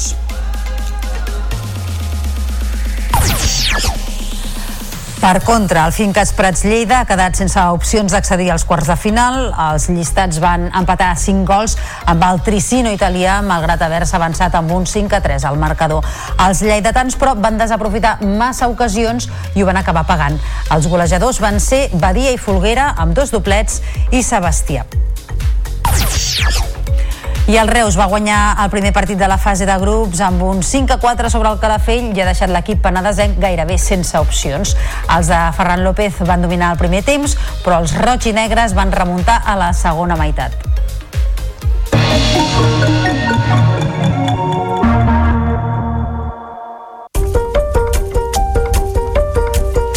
El Carnaval de Sitges arrenca com cada dijous gras amb l'arribo de Sa Majestat el rei Carnestoltes. A l'espai de la Fragata, la colla Panxamples ha presentat el rei del Carnaval, Big Mac Sigalupi, en un muntatge ple de llum, música i color. Arrenca així una setmana de Carnaval on el mateix Carnestoltes prendrà possessió del poder de l'alcaldessa fins dimecres de cendre. Seran, doncs, set dies marcats per la bogeria, els excessos i els despropòsits. I la festa se celebra de manera particular a Osona. A Torelló es coneix com el Carnaval de Terra Endins i tenen activitats de creació pròpia com la Festa de les Senyoretes i els Humanots que avui arriba a la quarantena edició. El Nou TV ha parlat amb alguns dels organitzadors de la festa. Són alguns dels impulsors de la festa de les senyoretes i humanots que aquest dimarts al vespre es trobaven al costat de la carrossa que encapçalarà la rua de la quarantena edició de la festa del divendres del Carnaval de Torelló. Ells apareixen a la primera imatge que es conserva de l'acte del 18 de febrer del 1985 i que ha passat a la història. La foto es va fer un any després que Eduard Fontserè i Xavi Vila seguissin disfressats sense massa transcendència. El 1985 van fer una convocatòria. Van ser vuit. Jo crec que si no fos per la foto, la majoria quasi bé ni ens en recordarien del que va passar aquell dia. Es va sortir a passar-s'ho bé, a desmadrar-se i anar de bar en bar. Això va ser l'inici. Aquí no hi va haver cap, cap re organitzat. I només sortir de casa disfressats, els veïns que estaven acostumats a veure'ns normals, de petits, o veure disfressat de senyoreta va ser tan impactant i tan divertit. Tothom la idea li va agradar i per això va, va tenir tant èxit. Però agradar-los als pares penso que eren temps que no, no crec que els agradés gaire, eh? almenys a casa meu. La festa va agradar i va créixer com l'escuma. Als anys posteriors es va crear la icònica passarel·la o les performance a la plaça Nova. I el festival Estrena es portarà enguany a Girona més d'una vintena d'artistes emergents entre les 44 propostes programades. Ens ho expliquen els companys de la televisió de Girona. Enguany el 30% dels artistes actuaran amb entrada lliure, mostrant el compromís del festival en apropar la cultura al ciutadà. També cal destacar que el 50% de la programació són artistes emergents. El compromís nostre és de present, evidentment, i sobretot el que estem treballant és de futur.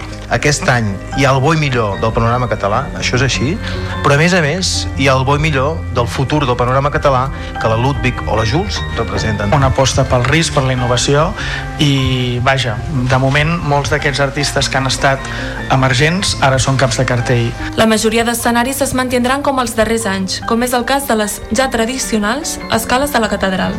Alguns artistes que podrem veure davant de la catedral tenen les entrades ja exaurides, com és el cas de Guillem Gispert, el cantant de Manel, que presentarà el seu nou disc amb un doble concert, o bé els Tiets, que presentaran el seu nou espectacle.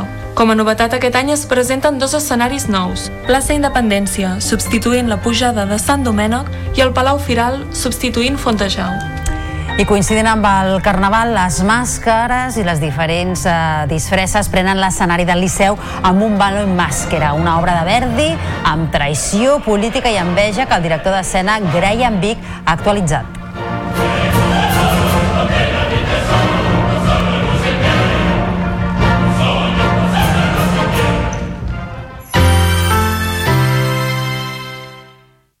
La xarxa de comunicació local.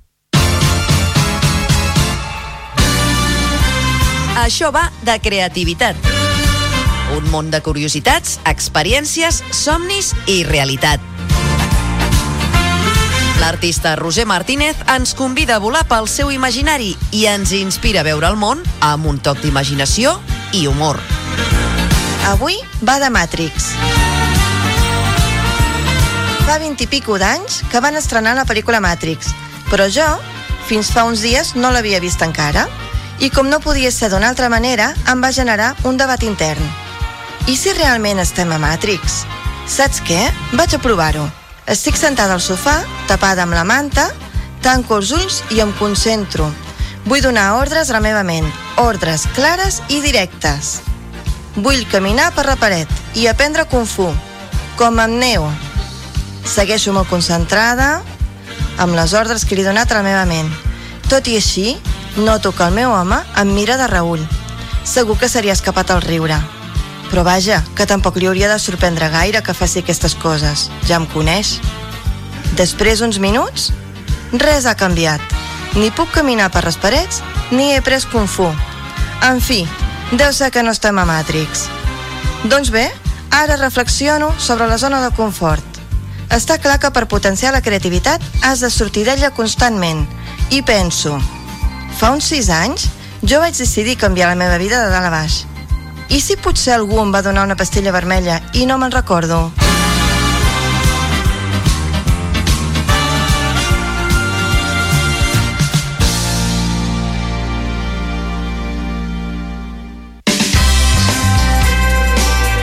La xarxa de comunicació local.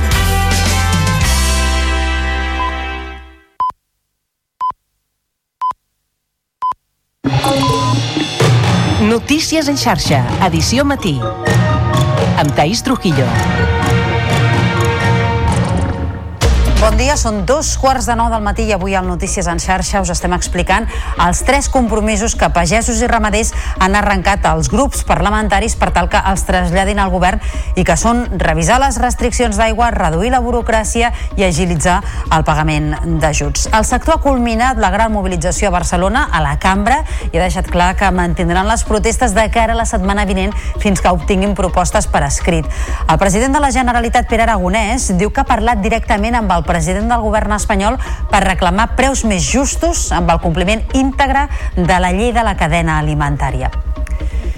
I d'aquí a uns minuts connectarem en directe amb l'estació de Sants de Barcelona perquè estem pendents de la vaga de Renfe que ha convocat aquesta jornada a comissions obreres per tal d'exigir millores laborals. La Generalitat ha dictat serveis mínims del 66% en hora punta a Rodalies, mentre que en la resta del servei el situa en un de cada quatre trens. L'aturada arriba dies abans de les que hi ha convocades de manera parcial en les jornades del 16 i 17 de febrer per denunciar falta de personal. També us estem explicant que l'Audiència Provincial de Barcelona envia a judici 46 agents de la Policia Nacional per les càrregues de l'1 d'octubre a diverses escoles de la capital catalana. El jutge considera que els fets es poden encabir dins d'un delicte contra la integritat moral. També avala que siguin jutjats alguns comandaments per donar les ordres de càrregues desproporcionades. En esports, el Girona prepara el decisiu duel del Santiago Bernabéu. Els blanquivermells, segons a dos punts del Real Madrid, aspiren a sorprendre els blancs. Mitchell no es marca el lideratge com a objectiu, però admet que serà un partit especial i que, malgrat les baixes, l'equip arriba en forma. I en aquesta darrera mitja hora del Notícies en xarxa parlarem dels Premis Goya que s'entreguen demà a la nit a Valladolid. Analitzarem les pel·lícules amb més possibilitats d'obtenir guardons amb Didac Alcántara, que és periodista d'aquesta casa de la xarxa especialitzat en cinema. I parlant de cinema, com cada divendres, acabarem fent un repàs a les novetats de la cartellera. Aquesta setmana arriba a les sales un clàssic, El color púrpura, però aquesta vegada en versió musical. També s'estrena El desglàs, un film belga que parla d'una jove que torna al seu poble per enfrontar-se al seu passat. I La piscina ens aproparà al terror que s'amaga en les profunditats de l'aigua clorada. Notícies en xarxa, edició matí. Després de dos dies a Barcelona, els pagesos han aconseguit tres compromisos al Parlament per pal·liar la situació que viuen els treballadors del sector primari.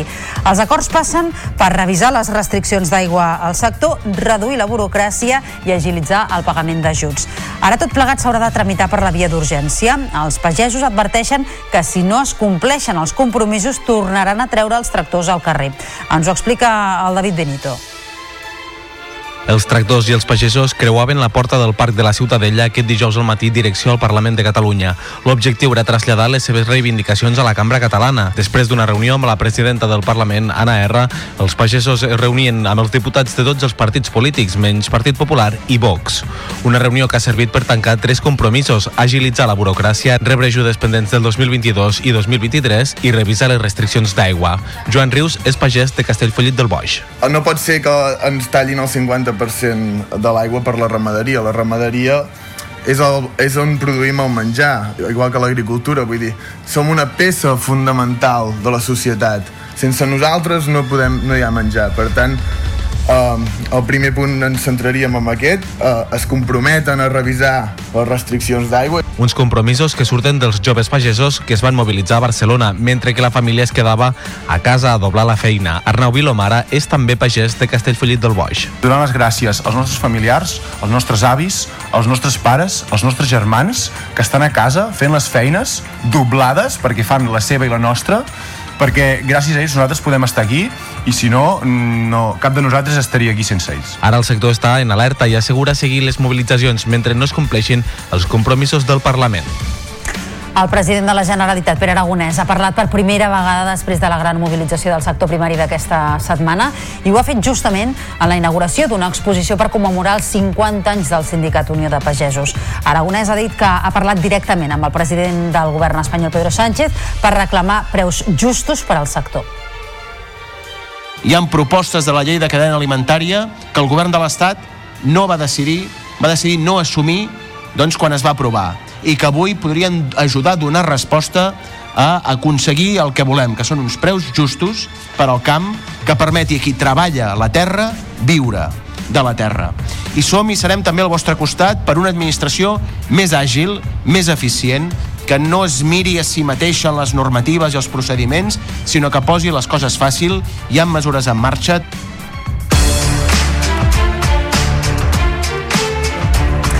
Aquesta hora al matí, quan passen 5 minuts de dos quarts de nou, tornem a connectar en directe amb l'estació de Sants de Barcelona per veure com està afectant a la circulació de trens de Rodalies la vaga a Renfe i Adif que han convocat comissions obreres.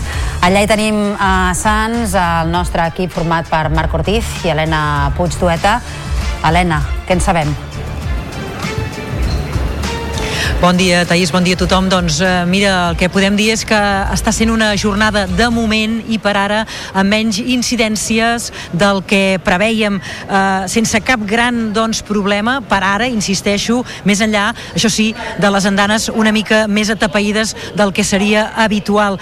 Potser també hi tenen a veure el fet de que no hi hagi incidències, dic, el fet de que aquests eh, serveis mínims a aquesta hora punta siguin del 66% a Rodalies i del 73% a l'AVE i a la llarga distància, uns eh, serveis mínims que, per cert, eh, Comissions Obreres considera abusius. En tot cas, dir-vos també que la majoria d'usuaris habituals d'aquests serveis de Renfe doncs sabien que avui hi havia vaga, una vaga que s'allargarà fins a les 11 d'aquesta nit i uns serveis mínims, per cert, que s'acabaran d'aquí aproximadament una hora, és a dir, a dos quarts de 10 hi haurà ja aquest servei mínim d'hora punta eh, eliminat i per tant a partir d'aquell moment aquí a Rodalies, si més no, circularan només 3 de cada 10, de cada 10 convois i per tant l'hora punta no es tornarà a recuperar ja fins a la tarda, eh, per tant fins allà a les 5 de la tarda i fins a dos quarts de 9 del vespre, que aleshores sí tornaran a circular el 66% dels trens. De moment doncs, insisteixo, el que dèiem, eh, aquí no direm una tranquil·litat total, però menys incidències, menys problemes del que d'entrada preveiem al començar la jornada.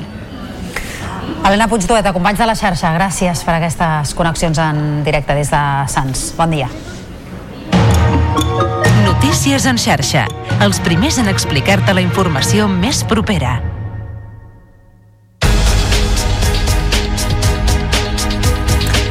Clau judicial, l'Audiència Provincial de Barcelona ha enviat a judici 46 agents de la Policia Nacional per les càrregues de l'1 d'octubre del 2017 a diverses escoles de la capital catalana. La interlocutòria confirma el criteri del jutge instructor del cas que considera que els fets van més enllà de simples delictes de lesions i que es podrien encabir en un delicte contra la integritat moral. L'acusació popular, entre la qual es troben entitats com Iridia i Òmnium Cultural, consideren que tot plegat suposa un gran pas endavant per a la lluita contra la impunitat d'una actuació policial com va ser la de la jornada del referèndum. Anaïs Franquesa és advocada i codirectora d'Iridia. Volem posar en valor la tasca ingent que ha dut a terme la societat civil per tal d'aconseguir les imatges, analitzar-les, identificar els autors i aconseguir que aquest moment arribés. En aquest sentit, per tant, eh, destaca també el rol que ha tingut el Ministeri Fiscal en tot el procediment, obstaculitzant la investigació i oposant-se a que aquesta avancés. En tot cas, la valoració és molt positiva d'aquesta resolució. El Departament de Salut posa en marxa un pla d'ocupació en àrees d'atenció primària de difícil cobertura per incentivar l'arribada de professionals en aquestes zones.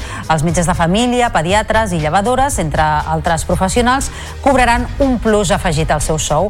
El conseller Manel Balcells ha presentat la proposta a Flix, a la Ribera d'Ebre. Ho ha seguit el Quim Domingo des de Canal 21. La mesura té una dotació d'11,5 milions d'euros i des d'avui es començarà a aplicar.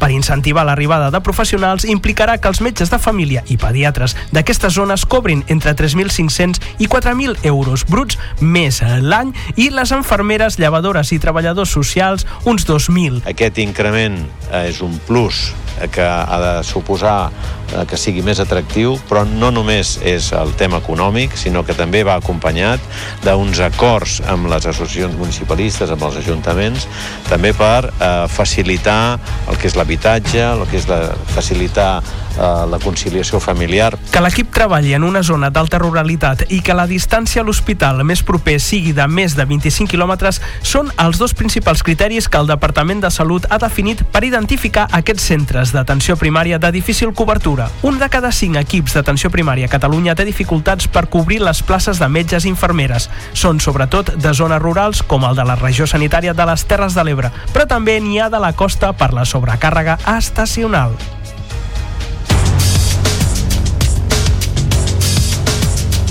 Una botifarrada popular tanca a aquesta hora la gran despertada a Palamós. Els veïns s'han llevat aquest divendres molt d'hora i a partir de les 6 del matí les carrosses de Carnaval han recorregut les principals vies d'aquest municipi del Baix Empordà. Tanta disbauxa, però, ha obert la gana entre els integrants de les colles i per això la botifarrada popular. Saludem a les companyes de la televisió Costa Brava, Alba Pairet i Laia Campos. Molt bon dia. Molt bon dia. Doncs així és. Aquí a Palamós a les 6 del matí ja ha començat la festa amb tota la desfilada de carrosses per tots els carrers del municipi amb la música a tope i de fet encara estan recorrent a aquests carrers mentre s'acaben de fer les botifarres. Ara us ho ensenyarem que des de l'associació de Carnaval estan acabant de fer aquestes botifarres. Però mentrestant ens acompanya la presidenta d'aquesta associació, Dolors Ors. Bon dia. Hola, bon dia a tothom. Com esteu visquent aquestes activitats prèvies a la Gran Rua de Carnaval i com es viu el Carnaval a Palamós? Bueno, es viu intensament i la veritat és que cada vegada més és un carnaval molt gastronòmic i que sempre estem amb botifarrades, arrossades, sardinades, no? I amb molt d'ambient i amb moltes ganes que comenci la gresca. Molt d'ambient a tot el municipi perquè veiem que no paren de passar per aquí darrere les carrosses de totes les colles. Quantes colles hi ha? Mira, fent voltes pel poble el dia de la despertar són unes 27-28 i és un dia que el jovent se l'espera amb moltes ganes. L'altra cosa és que el veí, el veí algun d'ells no estigui gaire content, però és carnaval i és una vegada a l'any. Hi ha gaire queixa o no? Bueno, no, no, sempre, la veritat és que sempre es queixa el mateix, no? El que no entén que per carnaval el jovent ha de disfrutar. I després de disfrutar, de gaudir d'aquesta música, d'aquests carrers, com deien, us espereu aquí amb la botifarra. Exacte, sí. Els hi donem un tall de pa i una botifarra i, i bueno, els hi serveix per fer cos que el necessiten. Portem ja gairebé una setmana de carnaval entre el sopar de colles, la presentació de la reina, que un any més va ser espectacular, i demà, en principi, eh, hi ha la gran rua, però estem pendents molt del temps, no? Sí, la veritat és que hi va haver-hi una reunió urgent i es va determinar que el que farem serà a les 12 del migdia, mirant el meteosat, aviam com ho tenim, i tenim un plan B que s'activarà, que seria que la rua passaria el diumenge al matí. Això ho decidireu avui a les 12, em dius? Avui a les 12, sí, que és quan sembla ser que donen el parte últim al Meteosat. I llavors ja informareu a xarxes en el cas de que es mantingui a demà o que es passi diumenge, no? Sí, primer de tot s'informarà a totes les colles i, i tot seguit farem tot el possible perquè eh, les xarxes estiguin totes activades perquè tothom s'assabenti que la rua passa a diumenge al matí. Aquest any el regnat està en mans de les arreplegades i també el rei dels showboys eh, s'ho estan corrent moltíssim. Sí, sí, sí, està clar que aquí a Palamós el que tenim és que durant dos anys ja saps que seràs el Carnestoltes i Reina, per tant tens temps de, de poder-t'ho muntar bé. Uh, el que passa és que a vegades també el fet de tenir tant temps no? uh, fa que a vegades canvis de cosa, no? tindre tant de temps, però ho gaudeixen molt, la veritat, sí. I escolta, què té el Carnaval de Palamós que no tinguin la resta? Bueno, segons diem sempre, no, és que fem molts més actes que altres pobles. Vull dir, eh, ens ho treballem molt, ens ho correm molt i, i els actes són moltíssims. Acabarà el dimecres amb l'enterrament de la sardina, però aquí també és particular perquè el dia abans es fa un judici, això no es sol fer. No, la veritat és que és una colla que els agraïm moltíssim perquè aporten molt també al Carnaval, no? I el dimarts, el dia abans de l'enterrament, faran el judici a dintre del Teatre de la Gorga, vull dir que estarà molt guai, ja estan pràcticament les entrades exaurides també. Uh, tornem a parlar un moment de la Rua, uh, són totes les colles de Palamós, però també venen d'altres municipis, oi? Sí, venen de Calonja, de Sant Antoni, ara teníem una, una comparsa de Palafrugell, una altra de Mata de Pera. Um, el que passa és que si la rua es passés el diumenge al matí, segurament algunes perdríem, no?, de que no podríem venir, perquè en els seus pobles també es fa el diumenge al matí. Però és que és el que hi ha i amb el temps no hi podem fer res. Ens sap molt de greu perquè no, si ho fem no s'ha fet mai, però és que per més que ens enfadem no hi podem fer res. Doncs Dolors, moltíssimes gràcies per atendre'ns i bon carnaval. A vosaltres, bon carnaval a tothom. I com dèiem, estarem molt pendents del temps per veure si aquesta gran rua de Palamós es pot fer demà o s'ha de passar diumenge.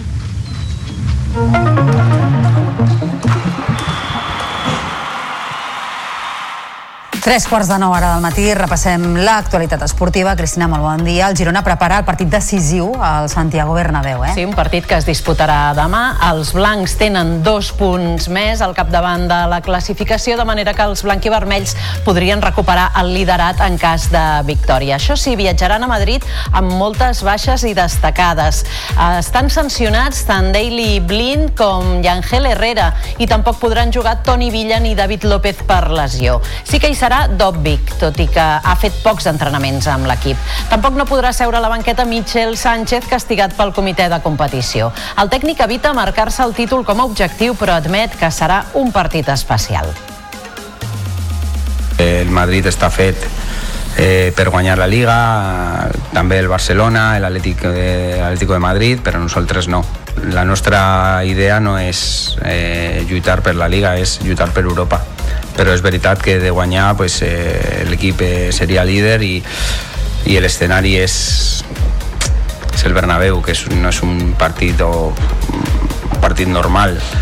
És un partit especial per, per tothom i, i l'equip eh, arriba en un moment espectacular a la una d'aquest migdia es farà el sorteig de les semifinals de la Copa de la Reina de Futbol. Els possibles rivals del Barça seran l'Atlètic Club, la Reial Societat i l'Atlètic de Madrid. L'eliminatòria ja es disputarà a doble partit, amb l'anada el 6 o el 7 de març i la tornada una setmana més tard.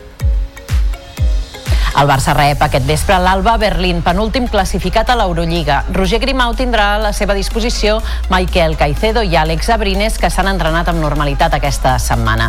Però encara no podrà jugar Ricky Rubio. El tècnic analitza l'equip alemany que, recordem, us va imposar en el partit de la primera volta a Berlín amb molt 1 contra 1, eh, mou molt bé la pilota, on es basen el seu joc bàsicament amb, amb l'1 contra 1, vull dir que pot ser un partit demà eh, en el que recuperem o haguem de recuperar els nostres bàsics defensius per, per ser sòlids i, i competir bé. I, bueno, i a partir d'aquí eh, seguir creixent el Barça ha certificat la primera plaça del grup A de la Lliga de Campions d'hoquei patins. Ho ha fet amb una victòria sobre el Forte italià. El partit va ser plàcid per als blaugranes, molt efectius de cara a porteria, que es van imposar per 6 a 0. Rodríguez, Llorca i Grau van marcar un doblet cadascun. La victòria assegura el lideratge amb un partit de marge abans que finalitzi la fase de grups. Un dels golejadors, Sergi Llorca, valorava el triomf. Sabíem que era un partit clau per nosaltres, eh, guanyant, com dius, aconseguim la primera posició i ha sigut un, un repte contra, contra un gran equip, que crec que l'equip ha, ha respost molt bé, ha, hem fet un, un gran joc i, i en tot moment doncs, hem controlat el partit, eh, crec que així s'ha vist a la pista i, i molt contents per, pel resultat, pel, pel treball fet i perquè les coses estan sortint. Per contra, el Finques Prats Lleida s'ha quedat sense opcions d'accedir als quarts de final. Els llistats van empatar 5 gols amb el Tricino italià, malgrat haver-se avançat amb un 5 a 3 al marcador. Els, els lleidatans, però, van desaprofitar massa ocasions i ho van acabar pagant. Els golejadors van ser Badia i Folguera, amb dos doblets. També va marcar Sebastià. El tècnic Edu Amat fa un bon balanç malgrat l'eliminació. Estem a Champions, hem sumat el segon punt a la història, hem empatat contra eh, el millor equip dels últims 3 anys a Itàlia i aquest any perquè hi ha el Forte també que li competeix una mica, però però amb una plantilla bestial, no? i crec que a més a més eh, dominant el marcador durant molts minuts de partit, però no hem sigut capaços de, de ficar-la dins, que al final avui sí, fem 5 gols i marxem contents perquè com a mínim trenquem una mica la ratxa aquesta de que no fèiem gols, però amb la sensació que n'hem tingut per, per fer-ne més. I el Reus va obtenir el primer triomf a la fase de grups amb un 5 a 4 sobre el Calafell que deixa l'equip penedesenc gairebé sense opcions. Els de Ferran López van dominar el primer temps però els roig i negres van remuntar a la segona meitat.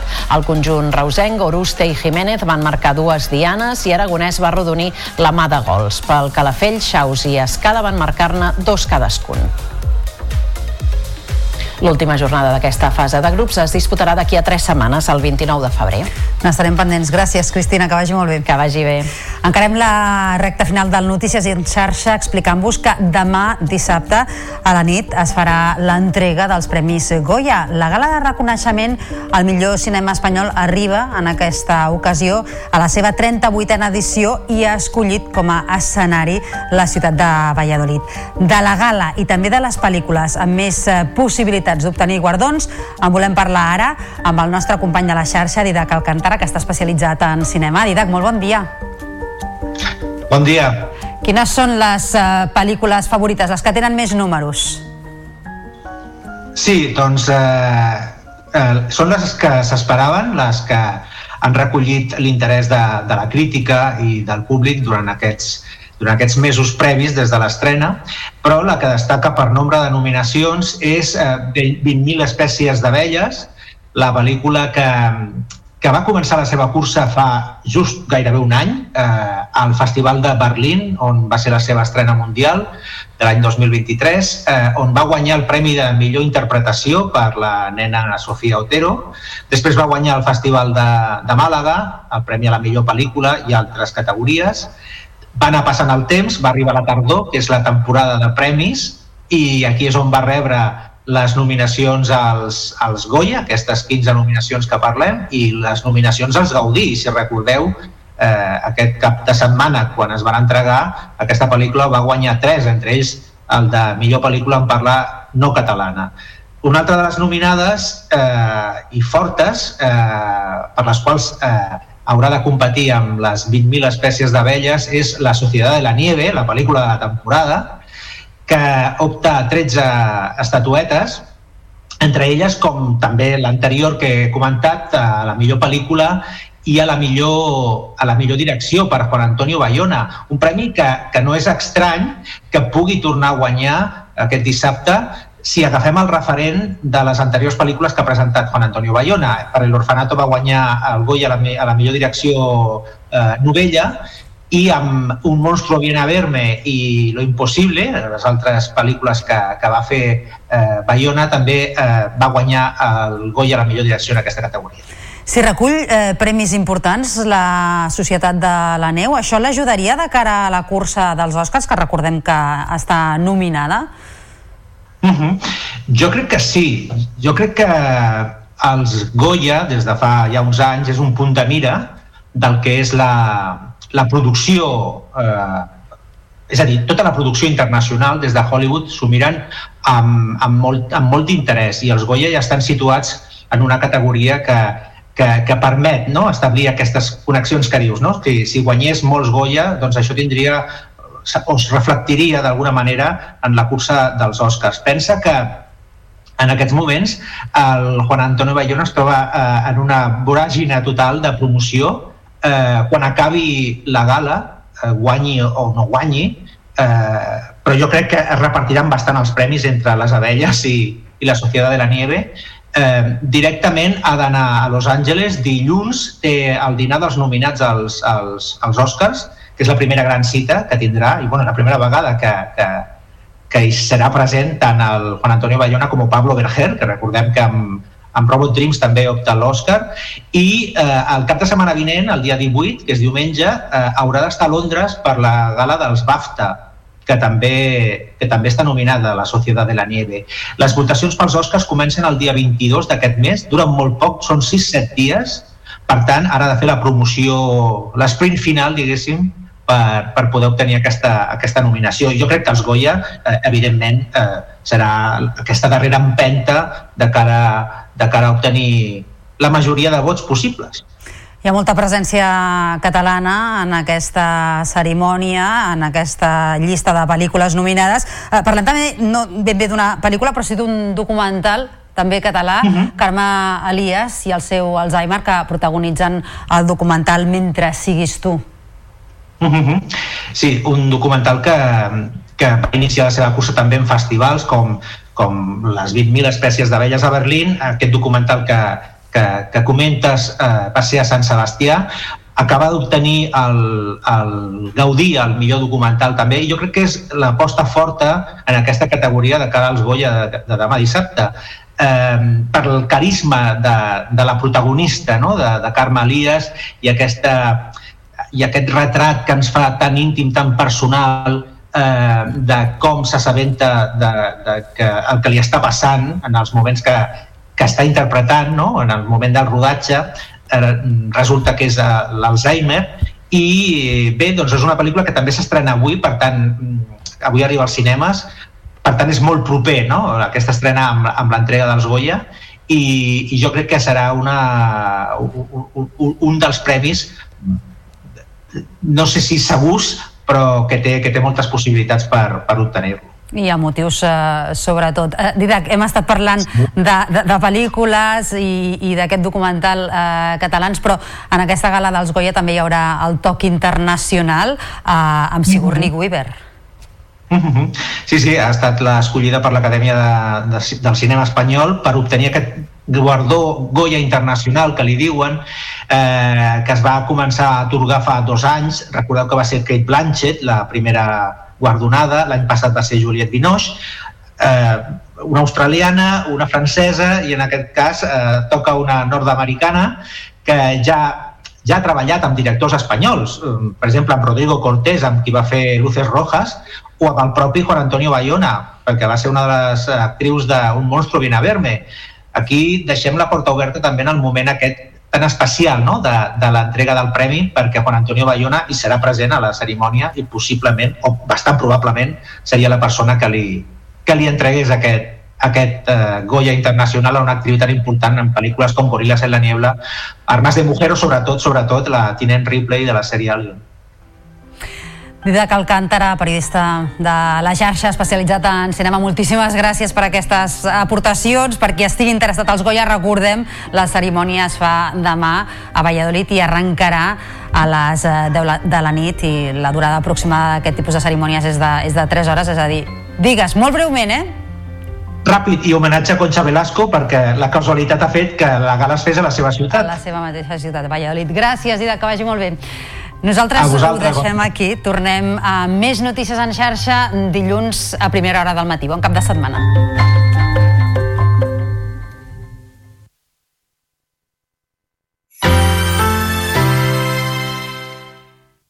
La xarxa de comunicació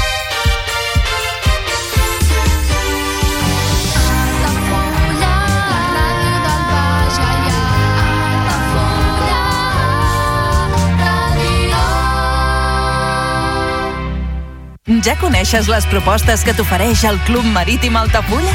Vine i descobreix totes les nostres activitats. Sortides en caiac o pa del surf, cursos de vela per a totes les edats. No t'ho perdis. Club Marítim Altafulla. Obert tot l'any i per a tothom.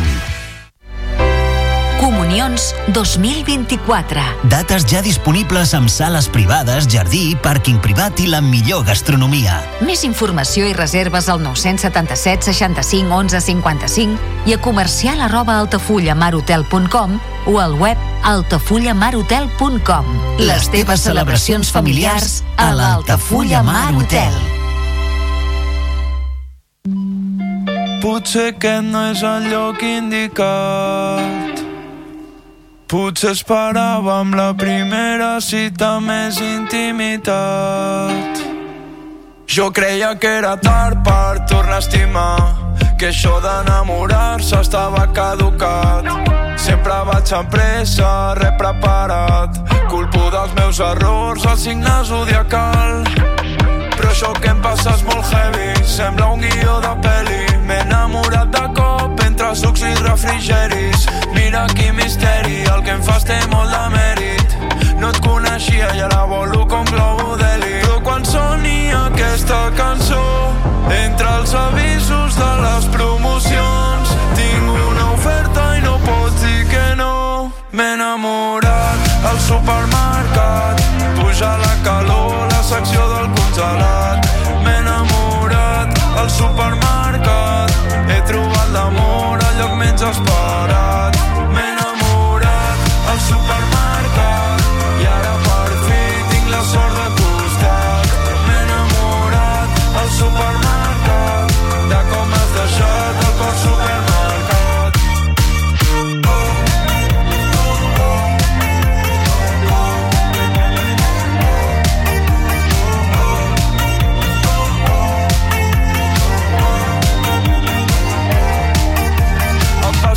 menjant per buidar el rebost per tornar-te a veure un altre cop per fi. Jo que sempre trigava en anar a comprar tinc targeta de client habitual VIP i estic en oferta tu hauries de pensar sóc quilòmetre zero producte a proximitat. I és que m'he enamorat i encara no sé ni com en un